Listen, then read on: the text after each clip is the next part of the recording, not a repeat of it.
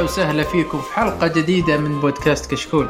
كشكول بودكاست حواري خفيف بعيد عن أي رسمية نقدم فيه أهم الأخبار نغطي فيه أهم الأخبار الأسبوعية للأفلام والمسلسلات الأجنبية ألعاب الفيديو جيمز وكذلك الأخبار التقنية.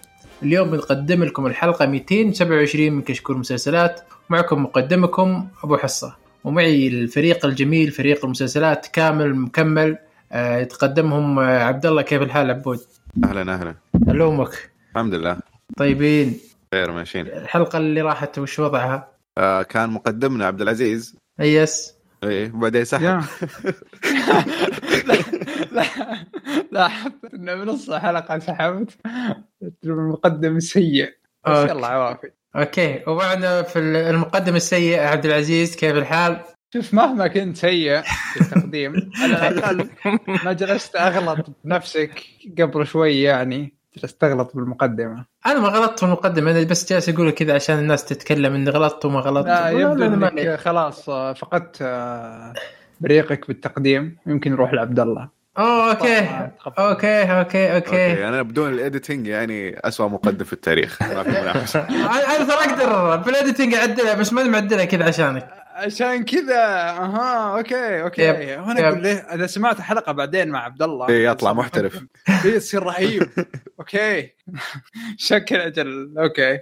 طيب ومعنا ارهب واحد في الدنيا عاد. هذا ال- ال- الكوري الجميل خلودي. يا هلا والله. كيف الحال؟ أهلا بخير. طيب كيف اللقب الكوري؟ كذا ممتاز؟ أه لا المفروض كان في أكثر. والله وتبي ألقاب أكثر؟ آه خلاص. إيه. الحلقة الجاية شان زيادة. الثابت وحنا المتغيرين. أيوه هذا هو. بالضبط. هذا واحد من الألقاب الجميلة. علوم خلود. الحمد لله. طيبين كيف حالك؟ خير بخير. معنا حلقة جميلة جميلة جدا اليوم. فيها تعليقاتكم ونشكركم جدا جدا صراحة. من أفضل الحلقات اللي جاء فيها تعليقات هذه والحلقة اللي راحت. فننبسط كثير كثير كثير على التعليقات. فنبدأ الحلقة بالتعليقات وبعدين الأخبار و- وش شفنا وفي النهاية راح نتكلم عن مسلسل الحلقة المسلسل المصري ما وراء آه. عبد الله عطني الخبر اللي عندك. okay الخبر إنه ديزني حيسووا Disney Plus حيسوون مسلسل جديد من آه، مارفل لشخصية Moon Knight. واختاروا ممثل اللي هو Oscar Isaac اللي قبل كان ب Star Wars وكان شوي كاره نفسه لكن آه، رجع بيكون ب franchise طويل مرة ثانية آه، آه، Moon Knight تقريبا تقدر تقول إنه باتمان أنا صراحة ما أعرف الشخصية باتمان لكن يلبس أبيض على كلام خالد زعروني سرقوا الخبر من إنه تكلموا عنه بالأفلام بس المهم دقيقة. بأي حق يسرقونه؟ ما عبد الله طلع عذر كذا بس إنه يعني ترقيع. ما ما ما ما جاني خبر ولا كان نرفع عليهم قضية. آه، الشخصيه عنده أكثر من آه، من وجه زي باتمان عنده واحد آه، بليونير اللي اسمه Marc Spector آه، ويشتغل آه، ك سواق تاكسي وما أدري أشياء كثيرة يعني. المهم إنه زي باتمان بالأخير يعني. آه وهو يعتبر خادم أو شيء كذا لإله آه في مصر. أو إله فرعوني ما أدري والله إيش السالفة. لكن الشيء الرهيب رهيب مرة في الاختيار في المسلسل هذا إنه بيكون من إخراج محمد دياب. آه، محمد دياب آه، أخرج وسوى فيلم آه، اشتباك في عام 2017 آه، فيلم اشتباك فيلم مصري اشتهر بشكل كبير في هذيك السنة وتم اختياره لمهرجان كان. فكان فيلم جدا ناجح يعني. وحيخرج جميع الحلقات في المسلسل الجديد. وآخر نقطة هو ال- ال- المنتج المسلسل أو الكاتب الرئيسي للمسلسل آه، Jeremy Slater. آه، Jeremy Slater آه، عنده أعمال شوي معروفة مثل The Umbrella Academy. هو أحد الكتاب الرئيسيين في المسلسل. ولكن عنده أكثر من فيلم سيء مرة. أولهم كان Death Note حق Netflix وثاني Fantastic Four اللي سووه وتكنسل كل العالم حقهم. لا السمعة في الحضيض مرة. متفاوت صراحة يعني. Umbrella Academy لا. متفل... إيه كان المخرج كويس. اي وكان عنده مسلسل آه، ب 2016 The Exorcist استمر أعتقد إنه موسم واحد فقط. ولكن عموما يعني كاتب عنده خبرة آه، والممثل جدا جدا ممتاز. اللي هو؟ من أفضل الممثلين حاليا. من هو الممثل؟ ترى ما قلت المخرج آه، يعني فرصة كبيرة إنه المخرج آه، محمد دياب يؤدي آه، أو يعمل عمل لديزني. طيب من من هو الممثل ذكرني بس أنت قلته Oscar Isaac. أوه! okay okay okay. غريب والله على Oscar Isaac. جدا. والله أنا اتذكره حتى في Star Wars اللي أعتقد سألوه قالوا هل بتكمل مع Star Wars؟ قال لا مستحيل. فتحس إنه كان كاره إنه ب franchise. فغريب إنه رجع لل franchise مرة ثانية وممكن franchise يطول أكثر. ما ما أدري أحس إنه جالس يبني اسمه بشكل كبير. آه وصار movie star يعني صار أي. نجم سينمائي يعني ما هو من نجم تلفزيوني. صح. ما أدري وش اللي رجعه وخلاه ياخذ هذه الشخصية. لكن آه شيء كويس يعني Oscar Isaac رهيب. في حد فيكم يعرف الشخصية؟ آه الظاهر إيه أنا. أنا اعرفها كنت هي ظاهر كانت في Marvel versus Capcom آه فالظاهر إني يطلع سهوم أو شيء زي كذا. آه فأذكر إنه كان شخصية رهيبة كنت ألعب فيها فما لكن تفاصيل دقيقة عنه والله ما أعرف ابدا. أنت المشكلة أنت المفروض تعلمنا أنت حق ال- أنا الكوميكس. خلاص آه، بطلت. مرة؟ أهتم بالكوميكس خلاص. لا لا لازم نجيب واحد. زرعوني لازم نجيبه ونبدل كذا لا ما نبدل لا خليك خليك. خلاص بنجيب زرعوني. طيب جميل بس آه، ما, ما تدري متى بيبدون تصوير متى بينتهي آه لا ما ذكروا آه، طبعا تدري مع الكورونا فما أعتقد إنهم يبون يحددون أوقات بتتأخر. آه لكن آه يأملون بيصدر في آه لا معليش هذا شيء ثاني مختلف. ما الخبر ما ذكر آه أي تاريخ. تمام تمام جميل. والله شيء آه، كويس. لكن آه، متخوف أنا من أي شيء آه، حاليا آه، superhero. آه، ما أذكر انه في مسلسل superhero طلع كويس كويس مرة. آه،. من- من Marvel و DC يعني أقصد. Doom Patrol. آه مو مو مو مو wow. أبغى شيء wow تقول لي. Daredevil كان الأفضل. خرافي. والى الآن الأفضل. وشو؟ Daredevil. Daredevil إيه آه، تقريبا. هو اللي كان آه، ناضج شوي تقدر تقول. آه، لكن بشكل عام ما ما في شيء wow إلى الآن.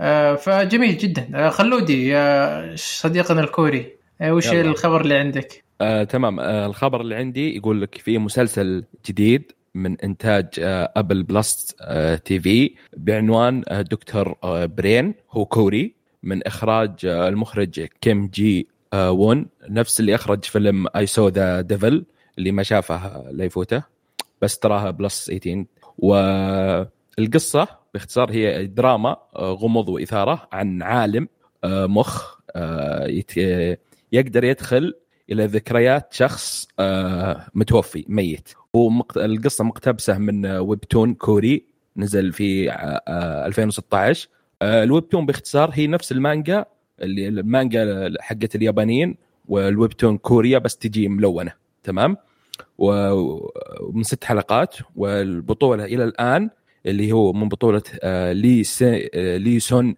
كيون آه، اللي مثل في فيلم The Parasite اللي كان في الأب حق العائلة الغنية اللي تذكرونه اللي شاف. Parasite وكان البطل في مسلسل آه، My Mister أو سيدي موجود على آه، Netflix وهذا أول مسلسل آه، كوري موجود على Apple Plus أتوقع حتى على الشبكات الثانية لأن ما في إلا Netflix اللي تجيب أو تنتج.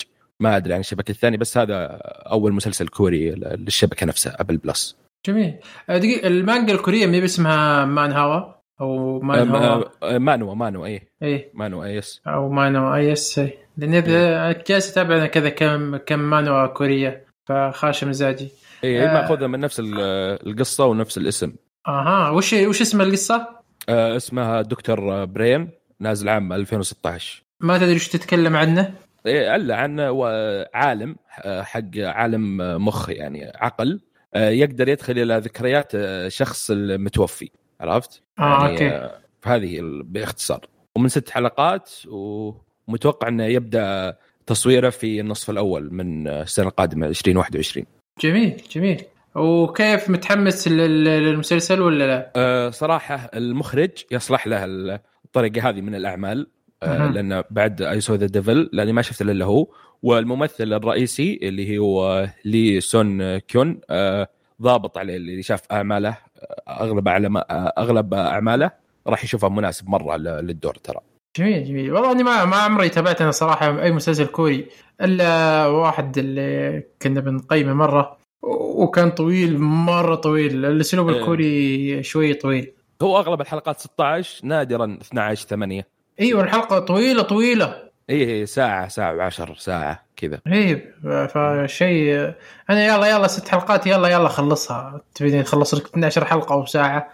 آه، لكن آه، نقول إن شاء الله يعني إنها من إذا كان الإنتاج الأساسي Apple Plus آه، يمكن يامركونه شوي.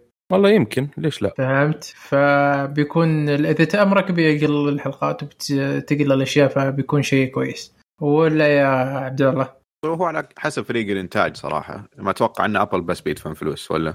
اي هذا المتوقع إن هي هي اللي بتدفع هي اللي بتمول المشروع عرفت؟ أي.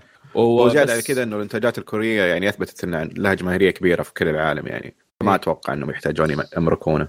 آه، ممكن Apple تسوي نفس اللي صار ب Ted Lasso تدفع فلوس مثلا هم دفعوا فلوس ال Warner Bros آه، لكن المسلسل مسلسل Apple فنفس الشيء يدفعون فلوس للشركة المنتجة الكورية بس يصير Apple Apple TV نفس نفس الشيء يصير. جميل جميل. أنا للأمانة الفكرة ما أدري حسيتها مستهلكة شوي. في أشياء في أفكار كنت صارت من قبل زي كذا. آه، لكن التطبيق يمكن يكون مختلف. آه، فودي ودي أشوف آه، شيء trailer شيء يعلمنا كيف آه، العمل بيكون. فعبو عبد العزيز عطني ال Assassin's Creed وش عندهم؟ Assassin's Creed وبعد فشل ال- الفيلم. ما فشل الفيلم. تكمل كمل.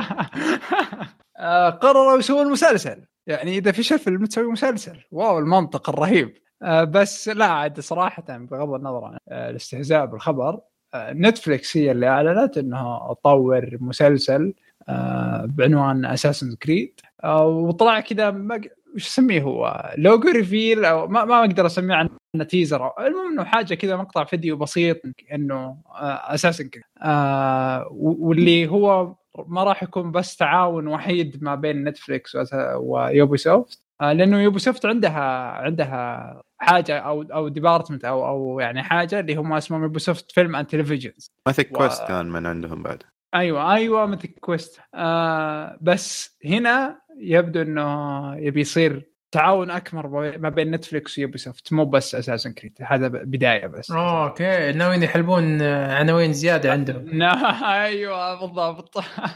المهم إنه لكن في أشياء جيدة من من يعني الناس من الخبر. استشفوها استشفوها أي من الخبر. وحتى من ال teaser اللي اطلقوه Netflix يعني مثلا آه، استخ- استخدموا موسيقى original آه، لمحوا عن آه، إيش الأشياء أو الحقبة اللي بتصير فيها وشان. اللي هي أنا ما أدري صراحة ما ما حطوها بالخبر هنا بس ما أقصد إنهم اللي, اللي الناس هي اللي كذا نبش وش وش. قالوا الناس؟ ما أدري ما رحت صراحة ورا الناس لا تحرجني. انك انت اللي معطيني الخبر وملزمني عليه تمام تمام لأن أكثر أكثر الناس قالوا إنه يمكن يكون نفس حقبة الحقبة الإيطالية اللي كانت في الجزء الثاني حقت إيتسيو حقت إيتسيو. بالضبط. فيمكن يكون نفسها بس ما أتوقع راح يكون نفس القصة نفس قصة إيتسيو.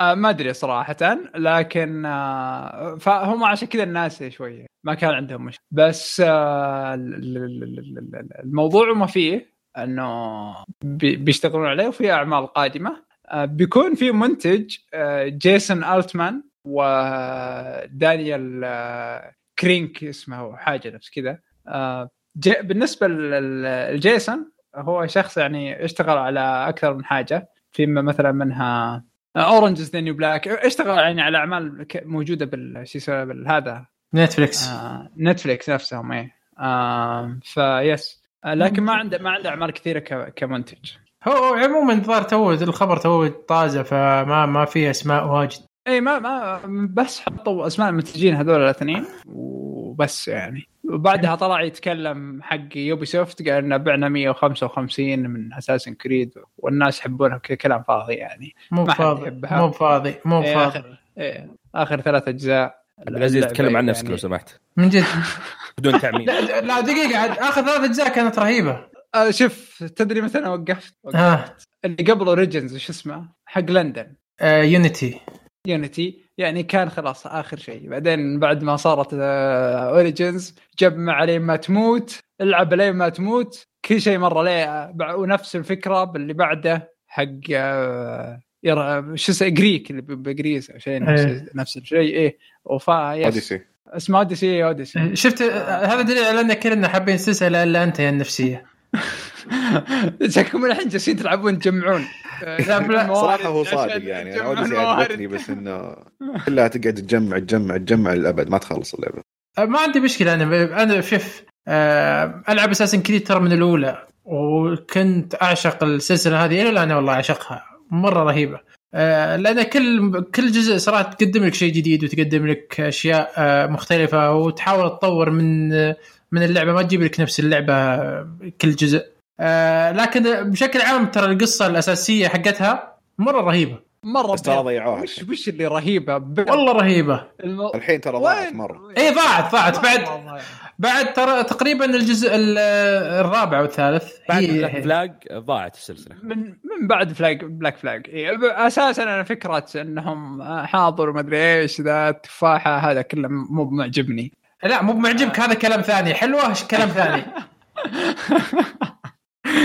فانا أقول لك بس آه كمثلا بعض الأحيان خلي خلينا نقول مثلا Black Flag قصة النفس الرجل نفسه ذا شو اسمه هو كان؟ والله ناسي اسمه. هنري. لا آه، والله ناس الظاهر هنري والله ناس شو اسمه. آه إتسيو نفسه كذا كان قصته رهيبة بس العالم الآخر مرة سيء مرة سيء ولا يمديك حتى تبرر لهم. ليش سيء؟ هو اللي كان يحكي لك القصة الأساسية من البداية. وكان يعني جايبينها بطريقة آه، غموض جديدة شوية على شو اسمه على على الألعاب. آه، فكانت قصة ال- ال- ال- العالم هذا وكيف إنه يحاولون يجيبون طيب شوف والأدوات. شيء غريب. خليها كذا كفكرة بسيطة. يعني مثلا مع كل مع كل آه، إيش يسمونه مع كل حقبة تاريخية نتابع الاساسن هذا وش قصته. بس انتهينا. ما يحتاج اللف والدوران حق المستقبل والماضي و... لا لازم. ليش؟ ليش تتابع الأساس أنت هذا؟ ليش تدخل مع الأساس؟ وش هو- عادي عادي تسوي آه، لك لا لا خلاص. أنا الآن أيقنت 100% إنك نفسية. روح روح الخبر اللي بعد اللي أنت غصبتني. اقراه. آه، خلاص على العموم آه، انتهت ال- ال- الأخبار من عندنا وأساسن كريد رهيب جدا مهما تكلم عبد العزيز والجزء الجديد آه، بيكون شكل برضو أرهب. فانتهت الأخبار من عندنا وننتقل للتعليقات من ما قريناها في البداية. عب... خلود عطني وش في تعليقات عندنا؟ تمام. عندنا تعليق من الحلقة 225 في واحد معلق كان بعد ما خلصنا من عبد المجيد ساب. يقول السلام عليكم يعطيكم العافية. آه أنا متابعكم أكثر من سنة بشوي جدا. آه مستمتع آه مستمع بالبودكاست واستمروا. آه قبل فترة خلصت مسلسل آه اسمه آه Broadchurch أتوقع إن اسمه كذا ما أدري أتوقع إني نطقت اسمه Broad. Church Broadchurch آه، يقول آه، آه، المسلسل جميل آه، جميل ورائع. آه، خلصته ممتاز خلطة ممتازة بين الدراما والغموض والحوارات ممتعة. ومكتوبة صح وتعلق جدا في المسلسل بعد ما انتهى وأكثر شيء عجبني شخصية البطل المحقق أليف آه، لا. شخص لا تكمل الظاهر في في حرق في النهاية إيه بقول آه، المحقق قال شخصية آه، متغطرسة ونفسية آه، يعني يقول بعدين يقول أتمنى آه، أسمع رأيكم عن المسلسل اللي اللي تابعوه وشكرا لكم معليش ترى في حرق ما ما قريناه آه. يعني. المسلسل مرة رهيب واحد من أفضل المسلسلات والتمثيل كان فيه شيء استهبالي. آه، لكن خلينا نعطي عبود ال- المايك لأنه هو ال- اللي يعشق هذا المسلسل بين كل فترة وفترة يجيب طاريه فتفضل. إيه، صح تكلمت عن المسلسل ذا جدا آه، أكثر من مرة. آه، وصراحة يعني من ناحية المسلسلات ال- عن تحقيق وشرطه يمكن هذا دائما بختاره من ال top 3 دائما مسلسل ممتع ممتع مرة والقصة عميقة ومؤثرة. وزيادة على كذا إنه الممثلين اللي فيه كل واحد أفضل من الثاني. ال lead عندك آه، ديفيد تيننت وأوليفيا كولمان. الاثنيناتهم يكفون لكن حتى الشخصيات المساعده الثانيين كلهم كلهم كانوا ممتازين. آه، قصص العائلات مرة حلوة. أو المدينة نفسها غير ال- ال- القصة إنه المدينة جميلة أو البلدة اللي يصورون فيها. في المنطقة حقت الشاطئ حقهم هذه اللي دائما أتأمل في المكان هذاك. ومرة مهم للقصة آه، لكن آه، جدا المكان جميل بس بالقصة ما هو ما هو زي ما أنا اتصوره آه، الحقيقة يعني واحد من أكثر المسلسلات اللي أنصح فيها يعني أي أحد يحب ال- ال- الجريمة والتحقيق لازم يشوفها. جميل. اللي بعدها خلود. طيب وعندنا حلقه تعليق من اليوتيوب هذه الحلقة اللي فاتت آه، من آه، هوكاجي آه، 47 يقول مسلسل الحلقة The Haunting of Bly Manor جميل من ناحية القصة والتصوير والجو العام الشخصيات والحوارات وكل شيء تقريبا كان رائع. بس كنت أتمنى أن الحلقة اللي شرحوا فيها كل شيء يقسمونها ويخلونها آه، جرعات في ثلاث حلقات آه، يخلونها مثلا فلاش باك بالنهاية المسلسل جميل ويستاهل ثمانية ونص من عشرة. وأعطوني رأيكم في مسلسل ذا الينست ذا لينست رهيب مرة وترى تكلمنا عنه في أحد البودكاستات بس ما أذكر والله أي حلقة. لكن حلقة. استنى شوي طلعها لكن تكلمنا عنه. لو نازل الموسم الثاني وودي صراحة نتكلم عنه إيه، إذا في أحد شافه. حلقة 152 بالضبط. وأنا شايف الموسم الثاني. شفته؟ شفت الموسم الثاني؟ يس. وكيف آه. معك؟ شفت باختصار. آه ممتاز. على طول دخل بالأحداث عكس الموسم الأول اللي قاعد يشرح الشخصيات وكذا. آه ال- ال- القصة اللي موجودة وال- والغموض مرة ممتاز بس سلبية كبيرة.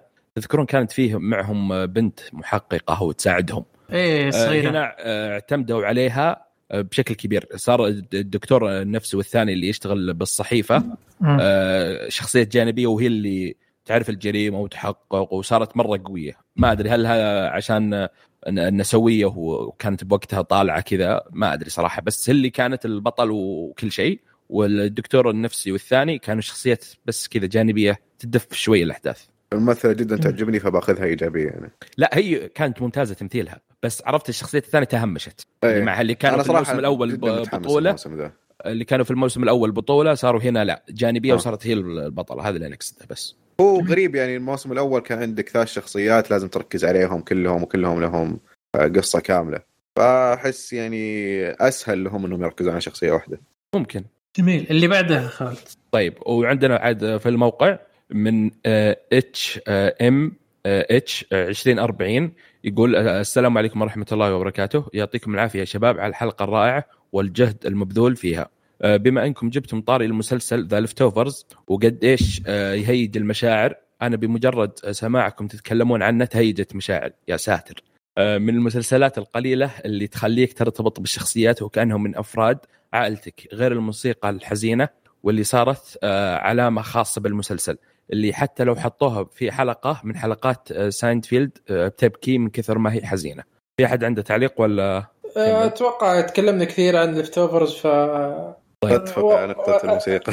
أتفق معنا كلنا كلنا نتفق. يقول طيب يكمل يقول أما فيما يخص مسلسل Succession اشوفه آه، اشوفه أحد المسلسلات المظلومة من ناحية آه، المتابعة والجماهيرية. مسلسل آه، متميز بشكل كبير وهذا اللي يميز شبكة HBO عن باقي الشبكات إنها آه، تصنع جو خاص ومميز لكل مسلسل وصعب تلاقي أجواء متشابهة بين بين مسلسلاتها. آه، ولكم في ذلك عدة أمثلة. مثلا آه، مثل مسلسل The Sopranos ومسلسل The Wire وأيضا Oz لا بالعكس بالعكس دقيقة Succession مو بمظلوم مو لا بمظلومين تو تو تو يجي. بعد ما ترشح وفاز الأخيرة. إيه الفترة الأخيرة صادق عبد العزيز. لكن من أول مرة كان مظلوم. آه بس بالنسبة Succession Succession موعدكم بس الحلقة الجاية في ضيف بيجي بس عشان Succession يعني. آه متفجر من حماس. وهو- إيه كذا هو نشر ال 20 شخص وحنا بكل مكان نقول شوفوا Succession حلو حلو جميل. يلا يلا خلينا نشوف. ننتظر. ترى هذا وعد ولا هو ب teaser آه طيب يقولوا في الأخير حبيت أسألكم عن آرائكم في مسلسل The Newsroom إذا شاهدتوه اللي من إنتاج HBO أشوفه أحد التحف الدرامية وأصفه من أعمال الدراميه في تاريخ التلفاز بجنب Mad Men وغيرها من الأعمال العظيمة. في الختام شكرا لكم مجددا. والله يعطيكم العافية. الله يعافيك. الله في أحد يعافيك. شاف Newsroom؟ إيه أنا شفته. آه Newsroom جميل وبس إنه آه، تحس إنه أمريكي بزيادة شوي. آه. إيه لكن آه، رهيب رهيب. والتمثيل رهيب آه، الأحداث اللي في طريقتها وسرعة الأحداث آه، رهيبة. آه، بس يحسس كأن حقين الأخبار هذول superhero مو حقين الأخبار. ف مدري لكن عموما بشكل عام رهيب. آه، تمام.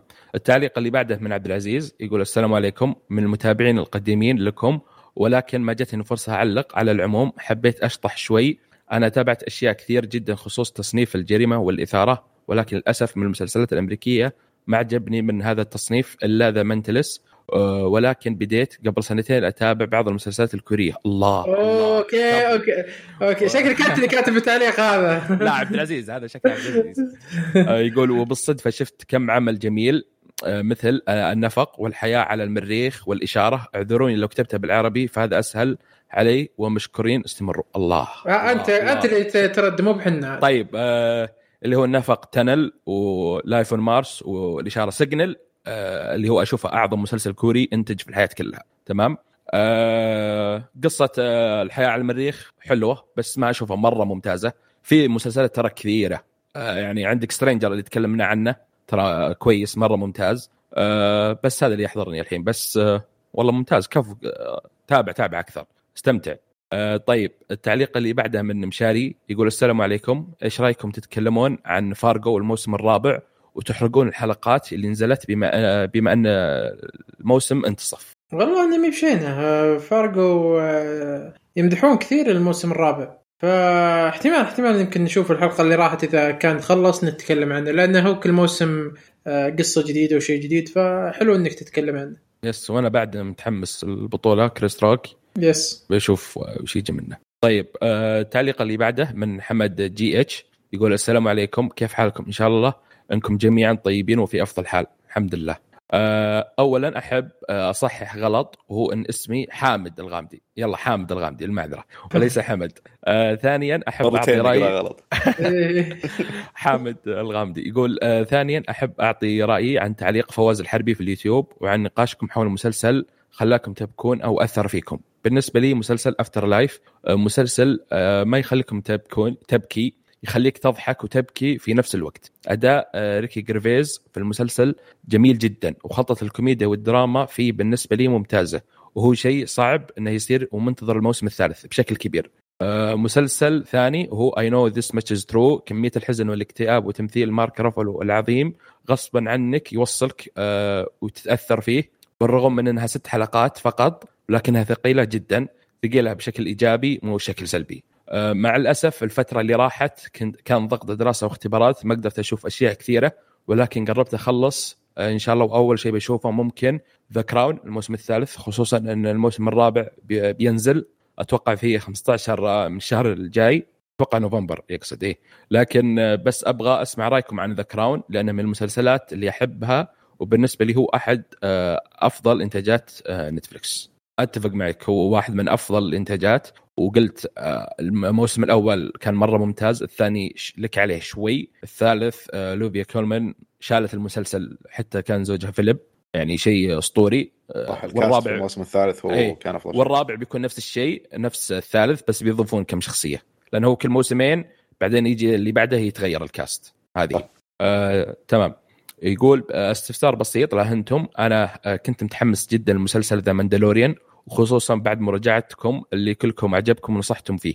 المشكلة إني سمعت كلام إنه علشان آه، تشوفه لازم تكون فاهم في عالم Star Wars لو بشيء بسيط وعشان كذا اجلته لوقت لاحق. وحاليا بينزل الموسم الثاني وأنا باقي ما شفت الأول. فاستفساري هو هل كلكم كان عندكم خلفية عن عالم Star Wars؟ لو بسيطة عشان تستمتعون بالتجربة الكاملة للمسلسل. وهل في أحد فيكم شاف خلفية Star Wars وخلفيه في عالم Star Wars لو صفر ولا يعرف عنها أي شيء وقدر يفهم كل شيء في المسلسل ولا لا؟ وأعتذر عن الإطالة. آه، التعليق في التعليق آه، وليس للشخص أن يقرأ لأني تعبته. لا لا لا ما حصل خير آه، وشكرا لكم على مجهوداتكم الكبيرة الكبير والرائع وبالتوفيق لكم جميعا. طيب بالنسبة ل The Mandalorian أنا ما شفت Star Wars ولا بيشوفه. بس عارف آه، يعني دارث فيدر إنه هو كذا الشرير. و The Mandalorian هم اللي يجمعون الجوائز. بس هذا اللي أنا أعرفه. وتابعته واستمتعت فيه. يعني ف ما يهم ما أعرف. شيء. ما أعرف عبد. العزيز ما كان يعرف أي شيء عنه. مع ذلك استمتعت واندمجت بعالم Star Wars آه، وكل شيء. جو اهد على طول طب المسلسل. هو صراحة المسلسل ترى يعرفك بأشياء كثيرة. يعني أنت بتأخذ رحلة آه، شخص ما يهم تعرف العالم وش هو لأنه هو بيروح أماكن ما قد شفناها أصلا بالأفلام ولا بنشوفها. هو كل مرة آه، عالم آه، كوكب جديد أو بلد جديد أو اللي هو آه، وتشوف قصة جديدة يعني ما في أي ارتباط. أصلا بالأفلام ترى ما جابوا ال Mandalorian بشكل كبير. هي يعني- شخصية واحدة. إيه بس شخصية واحدة ولا ولا جابوا عنها أي شيء. Mandalorians ب- Animation. بالأفلام؟ إيه لا لا في الفيلم إيه فيه في الفيلم في الأفلام الأولى يس أنا في شخصية طلعت بال بال بالموسم الثاني. آه، كذا ثانية طلعت. بعدين شفت كمية ردود الناس مره منبهرين ويس آه، بيجي بال بال بالموسم هذا. صراحة ما أدري عنه شيء ذا ولا شلون؟ وش- وش-. ما فهمتك. في شخصية كذا طلعت مدة ثانية واحدة. حلو. إيه. بال- بالحلقة الأولى الموسم الثاني. زين. فرحت لما شفت ردود الفعل. بكل مكان حاطين صورة هذا هذه الشخصية. وكانوا مرة متحمسين. فيبدو انها كانت موجودة بالأفلام أو شيء نفس وأنا. أتذكر شخصية واحدة فقط من ما اذكر والله ما اذكر اني شفت مشهورة يعني. إيه آه، هذه جت كذا ثانية بال... أنت شفت الحلقة الموسم الثاني صح؟ لسه. أبو حصة؟ شف... لا أبو حصة. لا لا لا ما ش- شفت ال- الأولى بس بس ما اذكر إنه في إيه. شيء. إلا طلعت شخصية كانت لابسة أسود. ما أذكر والله. إيه المهم إنه كذا الناس كانوا متحمسين مرة وحسيت وتوقعت إنه يعني كذا تخريص ترى والتوقع يمكن يكون غلط لأني ما أدري عن شيء بس إني توقعته أحد ال Mandalorians اللي موجودين بال- بالأفلام. عشان كذا سألت ما ما في ما في إلا واحد بس طلع في في الأفلام بس ترى. يمكن من ال Animation والأشياء هذه. إيه ما ال Animation أدري. ما أدري بس كانوا مرة الناس متحمسين عليها. جميل. وأنا متحمس أشوف باقي حلقات عشان هذه الشخصية. جميل جميل. آه كمل خلود. تمام التعليق اللي بعده من ريفا يقول السلام عليكم يعطيكم العافية على المجهود وأخص خالد على الاستمرار ولو يخف شوية عن تشبيح Breaking Bad يصير أحسن. حرام عليك. ما ما أشبح Breaking Bad ابدا. إذا جاء جاء طاري المسلسل. بس من العدم حرام عليك. Breaking Bad أفضل مسلسل. تمام. آه يقول على العموم بخصوص مسلسل الحلقة مع الأسف الموسم الثاني ابتعد عن العنصر الرائع اللي كان موجود آه في الموسم الأول وهو الرعب النفسي. وركز على وركز ع- أكثر على العلاقات سواء كان الحب أو الاخوه أو غيرهم من المواضيع الجانبية. التي لم تضف المسلسل أي شيء إيجابي على العكس آه، نسيت تماما إني أشاهد مسلسل رعب الموسم الثاني. ال- لا يقارن ابدا ابدا بالموسم الأول اللي كان تحفة وشكرا على مجهوداتكم الرائعة. ملاحظة اللي اقترح المسلسل الكوري ذا ويك آه شكرا يعطيك الظاهر أنت اللي قايل لهم علقوا في الحلقة هذه. ومزعجنا أنا اللي بقرأ التعليقات أنا اللي بقرأ التعليقات. في fans كثير يا أبو حصة. مشكلة ترى. والله شيء غريب آه طيب آه أتفق معك في المسلسل اللي هو Bly Manor الموسم الثاني. تكلمنا عنه بعد. نفس نقاطك. طيب آه التعليق اللي بعده من محترف يقول السلام عليكم ورحمة الله وبركاته. أول شيء بتكلم عن موضوع رجوع Dexter والتخبط اللي قاعد يصير في شبكة Showtime الصراحة ما أدري ليش آه يلغون مسلسل آه Ray Donovan آه Ray Donovan آه بعد ما وصل آه سبع مواسم بدون أي نهاية آه، ويلغون مسلسل On Becoming a God in Central Florida بعد ما تجدد ولسبب تافه مثل كورونا يعني تكنسل. آه، ويرجعون مسلسل انتهى والناس تنسى بين قوسين. ناس نسيته نسيته آه، المسلسل آه، بيرجع موسم واحد عشان آه، يحسون آه، يجسون النبض. ولا ولا عندي أي شك آه، جانب المشاهدات بيكون ممتاز وبينزل موسم ثاني وثالث. في أحد عنده تعليق عن؟ اي بالعكس أنا أنا عندي تعليق لأني أنا واحد من من عشاق ديكستر. مرة أحب المسلسل مرة مرة. فأول ما شفت التيزر صراحة ما ما كان ما كنت متحمس. آه، لأسباب يعني خلاص أنت مثل ما قالوا وانتهت المسلسل وخلاص وانتهينا بشيء تقدر تقول كان مرضي نوعا ما. آه، لكن مرضي؟ آه، نوعا ما. لا لا أنا أنا تلاحظ نوعا ما. ولا ولا ولا نوعا ما ولا شيء حسن. لا أنا بالنسبة لي طيب يا نوعا ما هذه مجاملة من عندك. يا بالضبط. فكان آه، شيء يعني كويس تقدر تقول. لكن آه اللي اللي أبغاه أنا لو لو رجع المسلسل لو يرجع بنفس العالم وشخصيات جديدة آه أنا ما عندي مشكلة. أبى أشوف وبيحسون فيه إبداع يعني يقدرون يبدعون فيه. لكن لو يرجع العالم بنفس الشخصيات بنفس الناس بنفس الأشياء هذه آه هنا وقف. هنا بيكون في آه، شيء سيء وما أتوقع راح يجيب مشاهدات آه، كثيرة. لأن أكثر ال- المسلسلات اللي اللي رجعت أو اللي سووا لها موسم جديد بعد ما انتهت ترى قليل نسبة اللي, تنجح منها مرة قليل مرة مرة قليل جدا. آه، إلا إذا كان سووا شيء جديد. فعشان كذا أنا أبغى أبغى يسوون لي قصة جديدة مثلا يطلع له أخو من الرضاعة شيء آه، أي شيء. آه، فبيكون شيء حلو لو كان في نفس العالم. أما نفس الشخصيات نفس الأساس نفس العالم آم، نفس قصدي ال- الشخصيات نفس القصة التكملة هنا بيكون شيء سيء. تفضل. تمام. يقول يكمل تعليقه يقول أما بالنسبة لمسلسل لوف كرافت آه، يعني زيادة على سوء المسلسل والقصص القصيرة المعفنة تطلع آه، تطلع صانعة المسلسل وتقول ودي أسوي موسم ثاني رغم المسلسل آه، أن المسلسل انتهى. زائد تبغى تحول أحد آه، روايات الرائع ستيفن كينج رواية آه، It لمسلسل مكون آه، من سبع مواسم. أنا ما شفت لوف كرافت وكثير يسبونه فيمكن أجله لنهاية السنة ولا السنة الجاية. إذا ما عندي شيء كذا مرة مرة ممكن أشوفه. ليش لا؟ والله لو ما عندي أي شيء ما في امل أشوفه. تفضل. لا يعني صانعة كذا المسلسل جالسة تستغل HBO تستغل Black Lives Matter هذا اللي صاير. كذا النظام؟ آه، لأنه مين يذكر اعتقد العام أو قبل العام. كان في اتهام عليهم إنه ما عندهم مسلسلات أو حتى من صناع آه، من البشرة السمراء يعني خلينا نقول عنهم. ف وهذا اللي صاير. حتى خلي نتذكر التسويق حق Love, Lovecraft Country إيش كان يتسوق؟ من صانع المسلسل وصانعة المسلسل. كان كل هذا التسويق. وإنه نا- ناظروهم آه، ناس آه، شو يسمونه بشرتهم سمراء وما أدري إيش. حتى ترى نزل Black Lives Matter يعني المفروض إنه ينزل بأكتوبر. أتوقع إنه كان المفروض ينزل كذا أواخر أكتوبر عشان الهالوين والأشياء الرعب هذه اللي تصير. نفس مسلسلات الرعب كلها تنزل بهذا الوقت. لكن هذا نزل قبلها. آه، ممكن هذا اللي كان فيه عشان كذا كان في سوء باستيجي ما كان عندهم وقت واشياء نفس كذا. فاتوقع إنه المسلسل فيه استغلال, استغلال أشياء سياسية آه، وهي جالسة تستغل.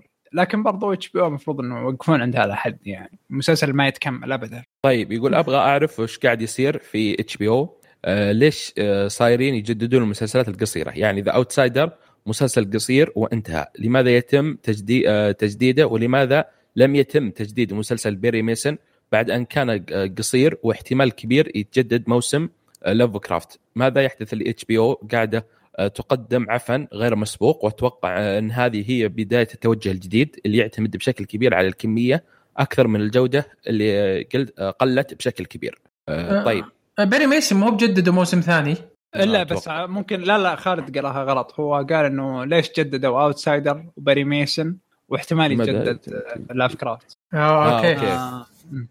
آه Perry Mason من زمان لا من زمان ترى مجددين إنه إيه. مسلسل طويل. من زمان يعني آه، من قبل من قبل ما أعتقد إنه جددوه قبل حتى ما إنه ينتهي الموسم بالضبط يذكر قرينا خبر زي كذا المفاجأة ب Outsider Outsider صحيح كان مسلسل قصير و- وكان limited. الجديدة صح. وانتهى التجديد هو ال- اللي عليه نقاط خصوصا إنه ما كان مسلسل يعني عادي. كويس. عادي زي Castle Rock Castle Rock ترى كان موسم واحد وانتهى لكن جددوه. HBO يسوونها كثير حتى مع Big Little Lies إيه، تجدد موسم بالضبط. Big Little Lies هو أساسا مم. يعني كان موسم وحيد فقط. Castle Rock ما كان من HBO ولا Hulu لا, لا، Hulu Hulu، Castle Hulu. Rock يا Hulu. أوكي. yes بس آه، Lies Big Little Lies كان ثلاثة حلقات والمسلسل مرة ثقيل وفي إعجاب وفي أسماء مرة قوية لا مو بثلاث حلقات آه عفوا آه ال- ستة. كم هو؟ ستة إيه، أتوقع أوكي. ستة إيه. آه، الم- الم- المسلسل كان big hit لما يوم يوم يجي المسلسل لكن Outsider Outsider عادي ولولا انه ما كان ترى ما كان في مسلسلات يوم ينزل المسلسل ده وهو أول مسلسل من من HBO ترى نزل هذه السنة يعني اللي كان هو افتتاحية 2020 آه عشان كذا جاب مشاهدات ولا مسلسل عادي جدا. لو نزل الحين ما حد درى عنه ما حد راح يشوفه. آه بس ما ما أدري. آه صراحة المحترف الكلام اللي يقوله جدا جدا ممتاز. وأعتقد إنه يعني أسئلة كثيرة على HBO هذه السنة. بالضبط. في السنة ذي ما في شيء كويس من HBO شيء wow wow.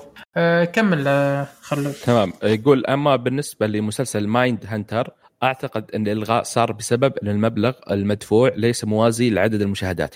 بين قوسين عدد المشاهدين كبير للمسلسل لكن مقارنة مقارنة مع المبلغ المدفوع ما يسوى. ميزانية آه، الموسم الواحد للمسلسل 108 مليون دولار. مبلغ ضخم وكبير أوه. جدا. زائد المسلسل ما يترشح للجوائز كثير وهذا سبب آخر.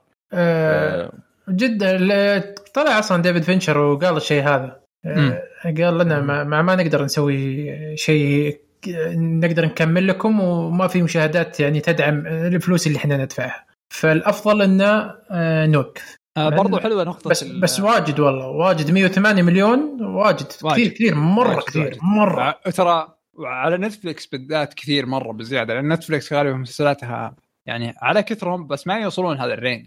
مستحيل. آه وحلوة النقطة الثانية اللي هو ذكرها آه ممكن تقراها خالد بس عشان اللي هو يدعم. المسلسل ما يترشح جوائز كثير. وهذا سبب آخر. لا لا لا. اللي بغي بعد يقول المسلسل رائع جدا Mr. Robot. اي. تمام. يقول المسلسل الرائع جدا Mr. Robot كانت مشاهدات الموسم الثالث نازلة بشكل كبير. آه، مرة واقل مسلسل آه، على شبكة USA. لكن رغم ذلك تجدد لأنه كان آه، فائز ويترشح الجوائز على فكرة شفت مسلسل لا هذا نقطة ثانية. طيب آه، يلا عبد العزيز. اي اي اي فهو هذه هي Mindhunter مسلسل تسوى عشان الجوائز بالنسبة ل Netflix ترى. وما فاز ولا بجائزة. مو بجالس يفوز بجوائز. yes فاي آه ه- هذه المشكلة.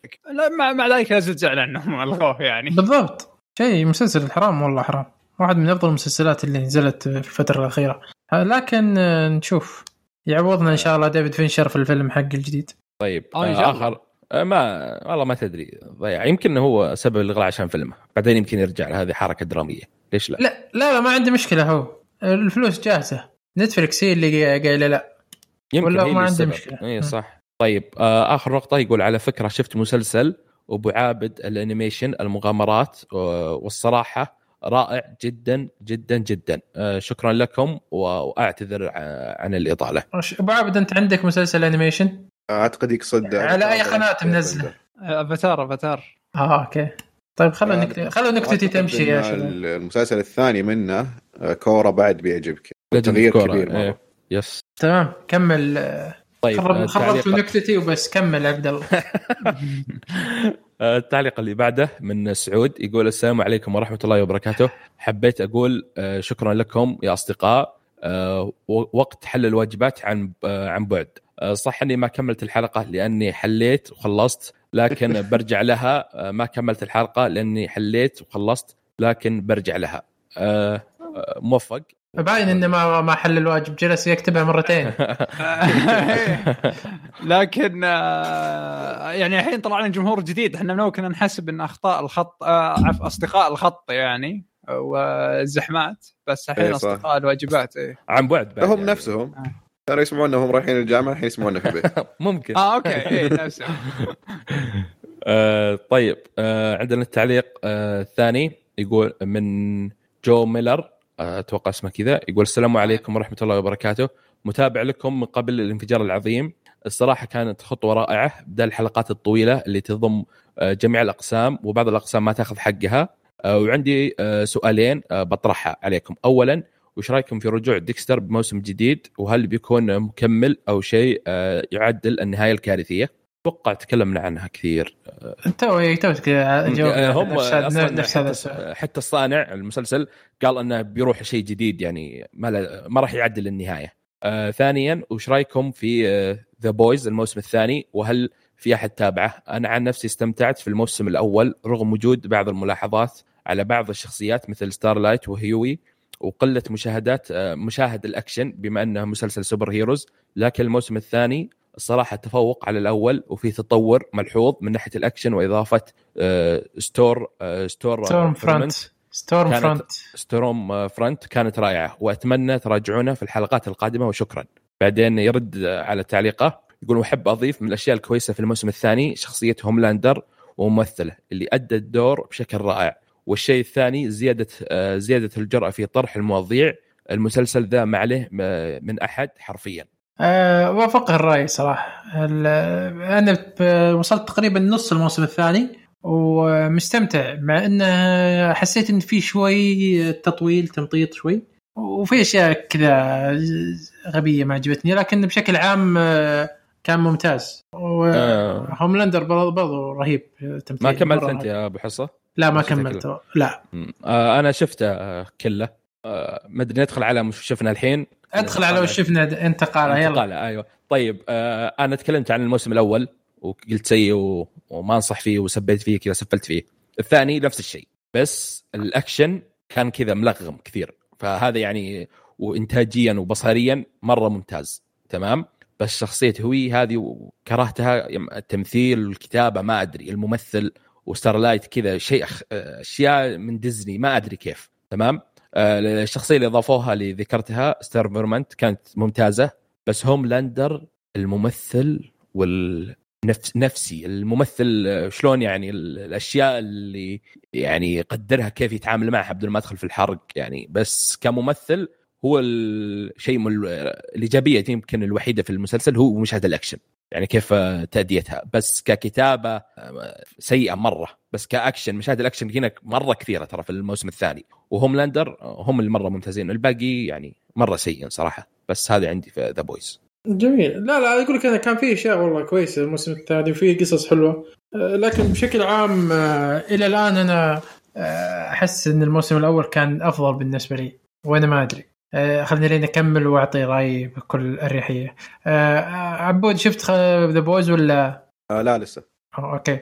طيب وش آه، شفتوا في خلال هذه الفترة؟ آه، أشوفكم كلكم شفتوا هل Helstrom إيه أكيد شفناه. لأنك حضرتك صوتت عليه وأنا كنت أقول لا لا نختار المسلسل. وشفناه كلنا وأنت ما شفته. دقيقة أنت أنت ليش دائما تطلع على الكواليس؟ لاني أنا اللي اكل كواليس دايم. انت تطلع زي شعره من العجينة. طيب وش okay باين إنك ما حبيت المسلسل عطنا رأيك. وش إيش رأيك المسلسل؟ وش شفت فيه؟ آه، okay. وعطني نبذة بسيطة عن المسلسل طيب. أنا أنا زين إني شفت المسلسل تبغى أعطيك نبذة لكن يلا نعطيك نبذة. هو مسلسل انتاج Hulu عبارة عن يعني إيش نقدر نقول؟ آه، هم ناس مقتبس من آه، comic مارفل by the أنا ما كنت أبغى أقول مارفل إلا إلا متأخر يعني بس أنت حرقتها. قربت عليك. مقت... مق... إيه إيه مقتبس من مارفل آه هو عن عن يعني اخ وأخته وعندهم مشكلة عائلية قديمة آه متعلقة بالشعاوذ يا رب إني ما أحرقت. بالشياطين كويس؟ يطير إيه آم، طبعا المسلسل عشرة حلقات تم تجديده إلى موسم ثاني. آم، من بطولة آه، توم أوستن وسيدني سيدني لينمو والله صراحة ليمون. اسمها ليمون ما أدري ليش اسمها yes ليمون yes بس ليمون أنا قلت يا رب إني غلطان بس اسمه سيدني ليمون. آه ف yes آه تقريبا آه هذه هذه أهم الأشياء بالمسلسل. آه فالمسلسل خلصت المقدمة ولا تبغى ن- 6.9 تقييمه by the way لا لا كمل كمل. وش أنا برايك؟ لا Rotten Tomato ما شفته ما ما أدري صراحة. 27% لا عاد هذول ظالمينه بس 6.9 جيد عليه. آه من كتابة بول زوسكي آه أعتقد ما أدري وش كتب شيء ثاني بالحياة. كتب Lost آه أو عفوا انتج Lost انتج Shield آه فنقدر نشوف شوية من الأشياء حقته. طيب المسلسل المسلسل صراحة بدأ بداية جيدة يعني لا بأس. آه قلت إنه لعله يمشي شوي. بس لما عبد الله جاء وشطح قال إنه إنتاج آه أو عفوا إنه من comic مارفل تخوفت. بس ما ما أعتقد إنه متصل أو إنه يعني يلمح المارفل بأي شكل من الأشكال. وين المشاكل الحقيقية ابتدت؟ بالثلثة والربع الأخير. بدأ تخبيص بالقصة ما له داعي. واشياء تحصل لاجل اشياء غبيه. يعني تذكرون المقطع اللي ارسلت لكم يا شباب بال... بال... إيه. Yes. عن ال... إيه. إيه آه، حتى مثلا التبرير له بالمستقبل مرة غبي. اللي ليش يصير عشان يصير ذا الشيء؟ جدا جدا مزعج آه. كان. اي اي اي ولا وت- نفس المشهد هذا يتكرر مرارا وتكرارا. حتى إنه بالحلقة الأخيرة صار نفس الشيء.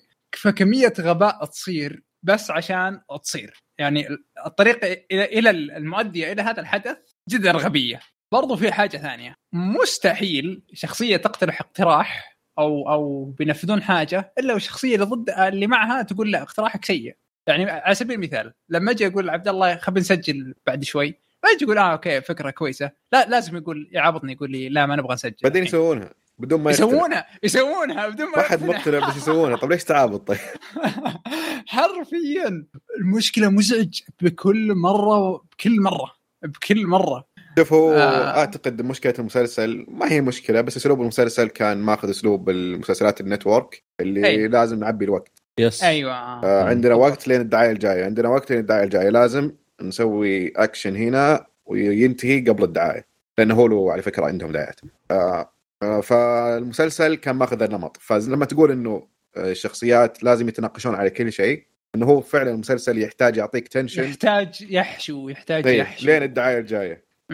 فخلاص كلهم يعني ما في اقتراحه ما في أي مشكلة. بس إنه لازم يعابط عشان يسوي لك tension بين الشخصيات.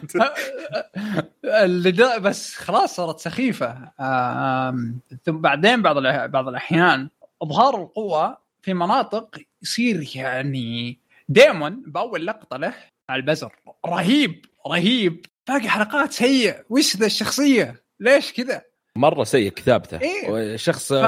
متوقع يعني ما إيه إيه، جدا. آه صراحة التمثيل من أغلبهم كان ضعيف إلى عادي. آه أنا حبيت face. آه، سيدني لمن وهي صراحة هي إيه إيجابية في آه المسلسل. انا آنا هولسترم. هي اللي كانت آه، تمثيلها وشخصيتها كانت مرة ممتازة صراحة ممكن أنا لأني صراحة ال character يعني ك ك كرسم يعني- شخصية سيء ما عجبني أنا كيف؟ كذا ك character فيزيائيا الشخصية كذا طريقة طريقة كيف تتحرك كيف تمشي طيب، ملابسها تسريحاتها الملابس تسريحات. هذه ما عجبتني. أنا ما عجبني مرة وهذا أنت عندك مشكلة. شخصية يا عبد العزيز مع المسلسل ممكن لا لا والله بالعكس أنا أقول لك إنه شفته ك- كله اعتقدت بدايه إنه والله ممكن يكون جيد لأنه في في potential المسلسل صح. في potential حتى لو إيه. إن القصة متوقعة في المسلسل. فيه تعقيدات مرة رهيبة واهمها يعني صح إيه. زي ما قلت إنه القصة آه، فيها demons وما أدري وش غالبا يعني تكون متشابهة آه، إيه. بس المسلسل خذها بشكل ذكي إنه خلانا شخصيات الأبطال آه، بين وبين ف... في يعني كان يعني بالنص الأول أو الربع الأول اللي كانوا ما ما ودي يعني إيش الكاسة بس بالأخير لما توجه اللي المفروض تتوجهها من البداية صارت قصة صار- تقليدية مرة تقليدية مرة بالضبط عليك. آه وهنا هنا يكمن ضعف المسلسل. بس في نقطة ضعف بس خليني قبل نقطة الضعف. آه، هي شخصية أنا. آه، أنا أختلف معك صراحة يعني شخصيتها جدا جدا عجبتني. بداية من شكلها من ملابسها وشكل الممثله آه، تسريحة الشخصية كل شيء فيها كان مرة رهيب. حتى هي يمكن أقوى كتابة في المسلسل ترى. صح بالضبط. إيه. آه، هي الشخصية اللي كانت ال protagonist اللي تتغير. yes اللي لها لها قصة وبدايتها مرة مختلفة عن نهايتها في المسلسل. يعني كان التركيز على تحول أنا وعشان كذا كتابتها كانت أفضل. بالضبط لكن- أنا قصتها قصتها أفضل منها كشخصية. آه، أيوه أختلف معك يعني لأنها إيه، عجبتني إيه. مرة. اي okay ما, ما عندي مشكلة بدا آه لكن لما تشوف. الشخصيات الثانية وأهمهم جابرييلا هذه كارثة. كارثة كارثة إيه، يعني اللي- شخصيه لو تحطها ب Game of Thrones ما تضبط. لا هذه هذه شخصية متعودين عليها اللي اللي آه، تبي هذه يعني ما تفزع. الطبيعه هذا اللي تبي تفزع وهي ما عندها قوة خارقة ولا عندها شيء بوصة بس الاخلاقيه للبطل. أيوه. والاخلاقها يعني مشكك فيها. أوكي. إيه. آه، في في نقطة مهمة في المسلسل إنه كيف تثق بشيطان؟ كيف تثق بشيء مخلوق إنه يكون شر مطلق؟ آه هذه اللي المفروض خلفيتها دينية وما تعرف شيء إلا إلا اللي تعلمته من الكنيسة اللي كانت فيها أو الفاتيكان. آه فبعدين فج... بسرعة كذا تثق. بشيطان بدون سبب بدون مبرر بس لما تشوف الشخصيات الثانية مثلا شخصية الدكتورة اللي كانت مع ديمن. هذه تثق بشيطان لكن عندها قصة background مرة كبير خلاها تثق فيه عرفت إنه ما ما سووا هذا الشيء لشخصيه جابرييلا. آه ونفس الشيء هذه مع إنها تثق بأحد في عنده قدرة الشر المطلق هذه لكنها عندها شكوك وعندها خوف كبير من الشياطين الثانية. أما جابرييلا ساذجة. ما أدري ليش ساذ- ساذجة. المفروض إنها هي تكون خايفة وبدت كأنها خايفة. بعدين خلاص ثقت. ما أدري إيش ثقت من البداية. وصارت تحن على كل الناس.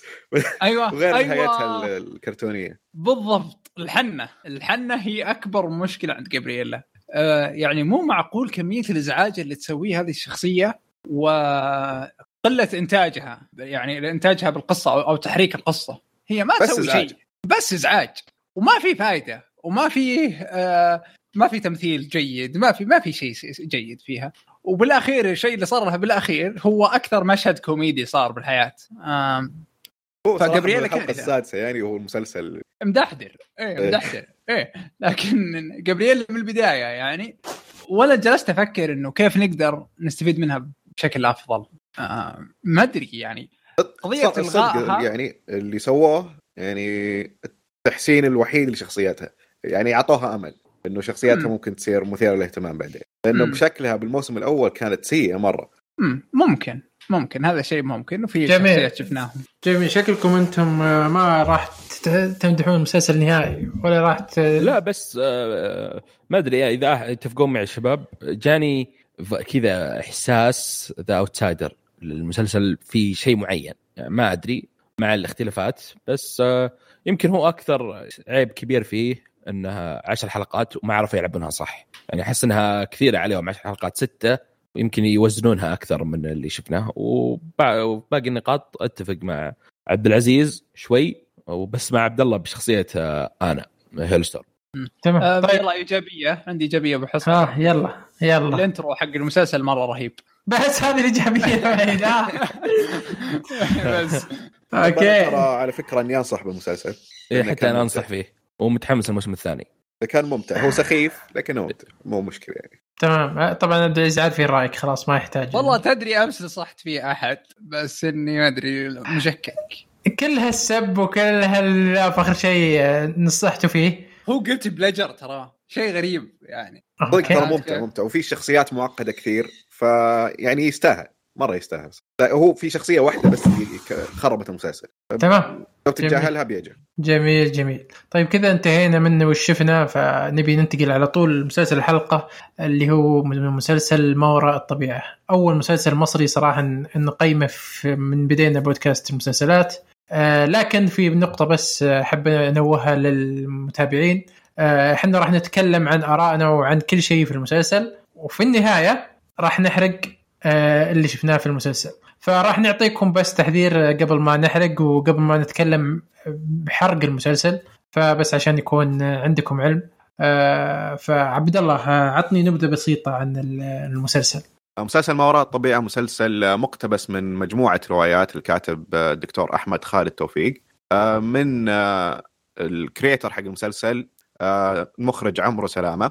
هو كتب وأخرج آه، كم حلقة لكن مو جميع الحلقات. آه، المسلسل من بطولة آه، أحمد أمين بدور رفعت إسماعيل ورزان جمال بدور ماجي آه، وسماء إبراهيم بدور رئيفة. وفي مجموعة ممثلين ثانيين آه، مثل آية سماحة بدور هويدا آه، ذكرت مجموعة الممثلين اللي يتكررون كثير في المسلسل. المسلسل قصته عن دكتور أمراض دم اسمه رفعت إسماعيل. رفعت إسماعيل تقريبا فكرة المسلسل أنه كل حلقة حيكون حيشوف شيء أو حيصير له شيء غير طبيعي ما وراء الطبيعي يعني بنفس اسم المسلسل.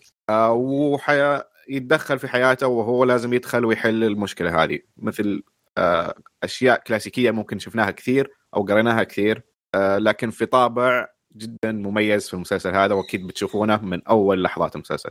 آه، طبعا النقطة الأخيرة إنه تقييم المسلسل في IMDb 9.8 اوه 9.2 معليش. أوه okay. 9.2 okay. حلو جميل. طيب هو بس دخل آه، ال 250 اليوم أعتقد. الحق آه، قائمة قائمه IMDb yes. جميل جميل. طيب آه، عندي نقطة يا أبو حصة بس عشان ما. أنساها. تفضل. آه، وش اسم المخرج؟ ر- رفعت آه، هو ولا؟ لا عمرو لا سلامة. المخرج عمرو سلام عم- عمرو سلامة. في مقابلة آه، طلع فيها عشان تسويق المسلسل ذكر ثلاث أفلام استلهم منها الإخراج والكتابة للمسلسل. اللي هو أول فيلم اللي هي The Orphanage الأسباني. آه. والثاني اللي هو The Village حق M. Night Shyamalan والثالث اللي هو A Tale of Two Sisters كوري أتوقع. اي كوري. أوه جميل. جميل Yes. جدا. آه طيب آه، عبد العزيز بما انك انت أكثر واحد كان يتكلم فعطنا وش وش انطباعك عن المسلسل؟ أو كيف آه، قبل آه، إحنا تكلمنا عن الأخبار ال- ال- المسلسل من قبل وهل قريت رواية؟ هل كان عندك معلومات عنها أو لا. وكيف شفت المسلسل بشكل عام؟ آه أنا ما ما كنت أعرف عنه شيء بس الأخبار والصور وما كانت معجبتني مرة الصور حقيقة يعني وما شفت له أي تيزر أو تريلر آه لما بديت وخلصت المسلسل صراحة ما توقعت إني بقدر أو إنه كمية الارتباط الكبيرة جدا من ناحية من الناحيه اللغوية ومن الناحيه العقدية وحتى الثقافية يعني. ارتباط جدا جدا كبير أكثر من أي مثلا مسلسل أو فيلم آخر. حتى لو كانت عربيات أو حتى خليجيات الخليجيين ذا أبعد ما يكون بالارتباط المسلسلات الخليجية. ف يعني اللي جدا جدا استغربت وأشياء كثيرة جالسة تصير ممكن إن نقدر نسويها أو إن إحنا نسويها والطرق الكلام والأشياء هذه. فممكن الارتباط هو أثر أساسا على التقييم من الناحيه العاطفية. وهذا هذا الشيء اللي ما كنت متوقعه صراحة أو انصدمت منه. آه، ولذلك يعني أعتقد إنه أول مرة أقدر ألقى المتعة بإنك تشوف حاجة خلينا نقول قريبة منك يعني. آه، الأفلام والمسلسلات القديمة مهما العربية مهما شفتها تبقى بعيدة نوعا ما عنك بسبب إنه طريقة الطرح أو أشياء نفس كذا لكن هذا مسلسل لا كان جدا جدا رهيب. آه، وأعتقد إنه هذه أقوى شيء حسيته فيه بدا المسلسل. جميل جميل. آه طيب أنا بس. آه أنا صراحة أول ما شفت ال- ال trailer وال مو بال trailer عفوا أول ما قريت الخبر كنت مرة مستمتع. لأن بعلمك قصتي بس مع الدكتور خالد أحمد توفيق. آه أنا عندي ولد عمي آه، كنا دايم نروح ال- الميد في الرياض. فميد كانت عندهم منصة حقت كتب. آه، فاحنا دائما كنا نروح غير هذه المشهورة. آه، قضية مث- مثلث برمودا مدري إيش خرابيط فاضية. ولد عمي لا كان دائما يروح للكتب خالد أحمد توفيق ويروح للكتب ثانية ال- اللي هي كتب الجيب المصرية. فدائما يشتريها دائما يشتريها. وأنا اساله دائما وش وش اللي وش اللي تلقاه مناسب لك يعني؟ ليش تقران كذا؟ قال بعطيك واحد وجرب اقرا هو كان عنده دائما روايات الجيب كثيرة كان أذكر عنده روايات بوليسية بعد. ناسي والله وش اسمها. آه، فأعطاني أذكر كتاب آه، آه، لأحمد توفيق آه، اسمه آه، وحش داخل الغابة أو شيء زي كذا. فأذكر إني قريت نصه وللأمانة ما ما كان معجبني آه، ابدا ما كان معجبني لأني ما ما الخيال حقي في ذاك الفترة ما وصل لهالدرجة. إني آه، أخش معه أقعد أتخيل بشكل كبير يمكن إني عشاني ما قريت من البداية ولا فهمت وش السالفة فما حبيته. ونطلت عليه قلت لا ما ما جاز لي. فأعطاني آه، كتاب ثاني قال خلاص أنت يمكن ما تحب ال sci-fi خذ هذه. آه، فأعطاني الكتاب البوليسي آه، وكان معجبني مرة. بس تعرف كنت في وقتها يعني توني بادي مرحلة مراهقة فما ما همني قرأت شوي منه وعجبني وبعدين سحبت على القراية نهائيا.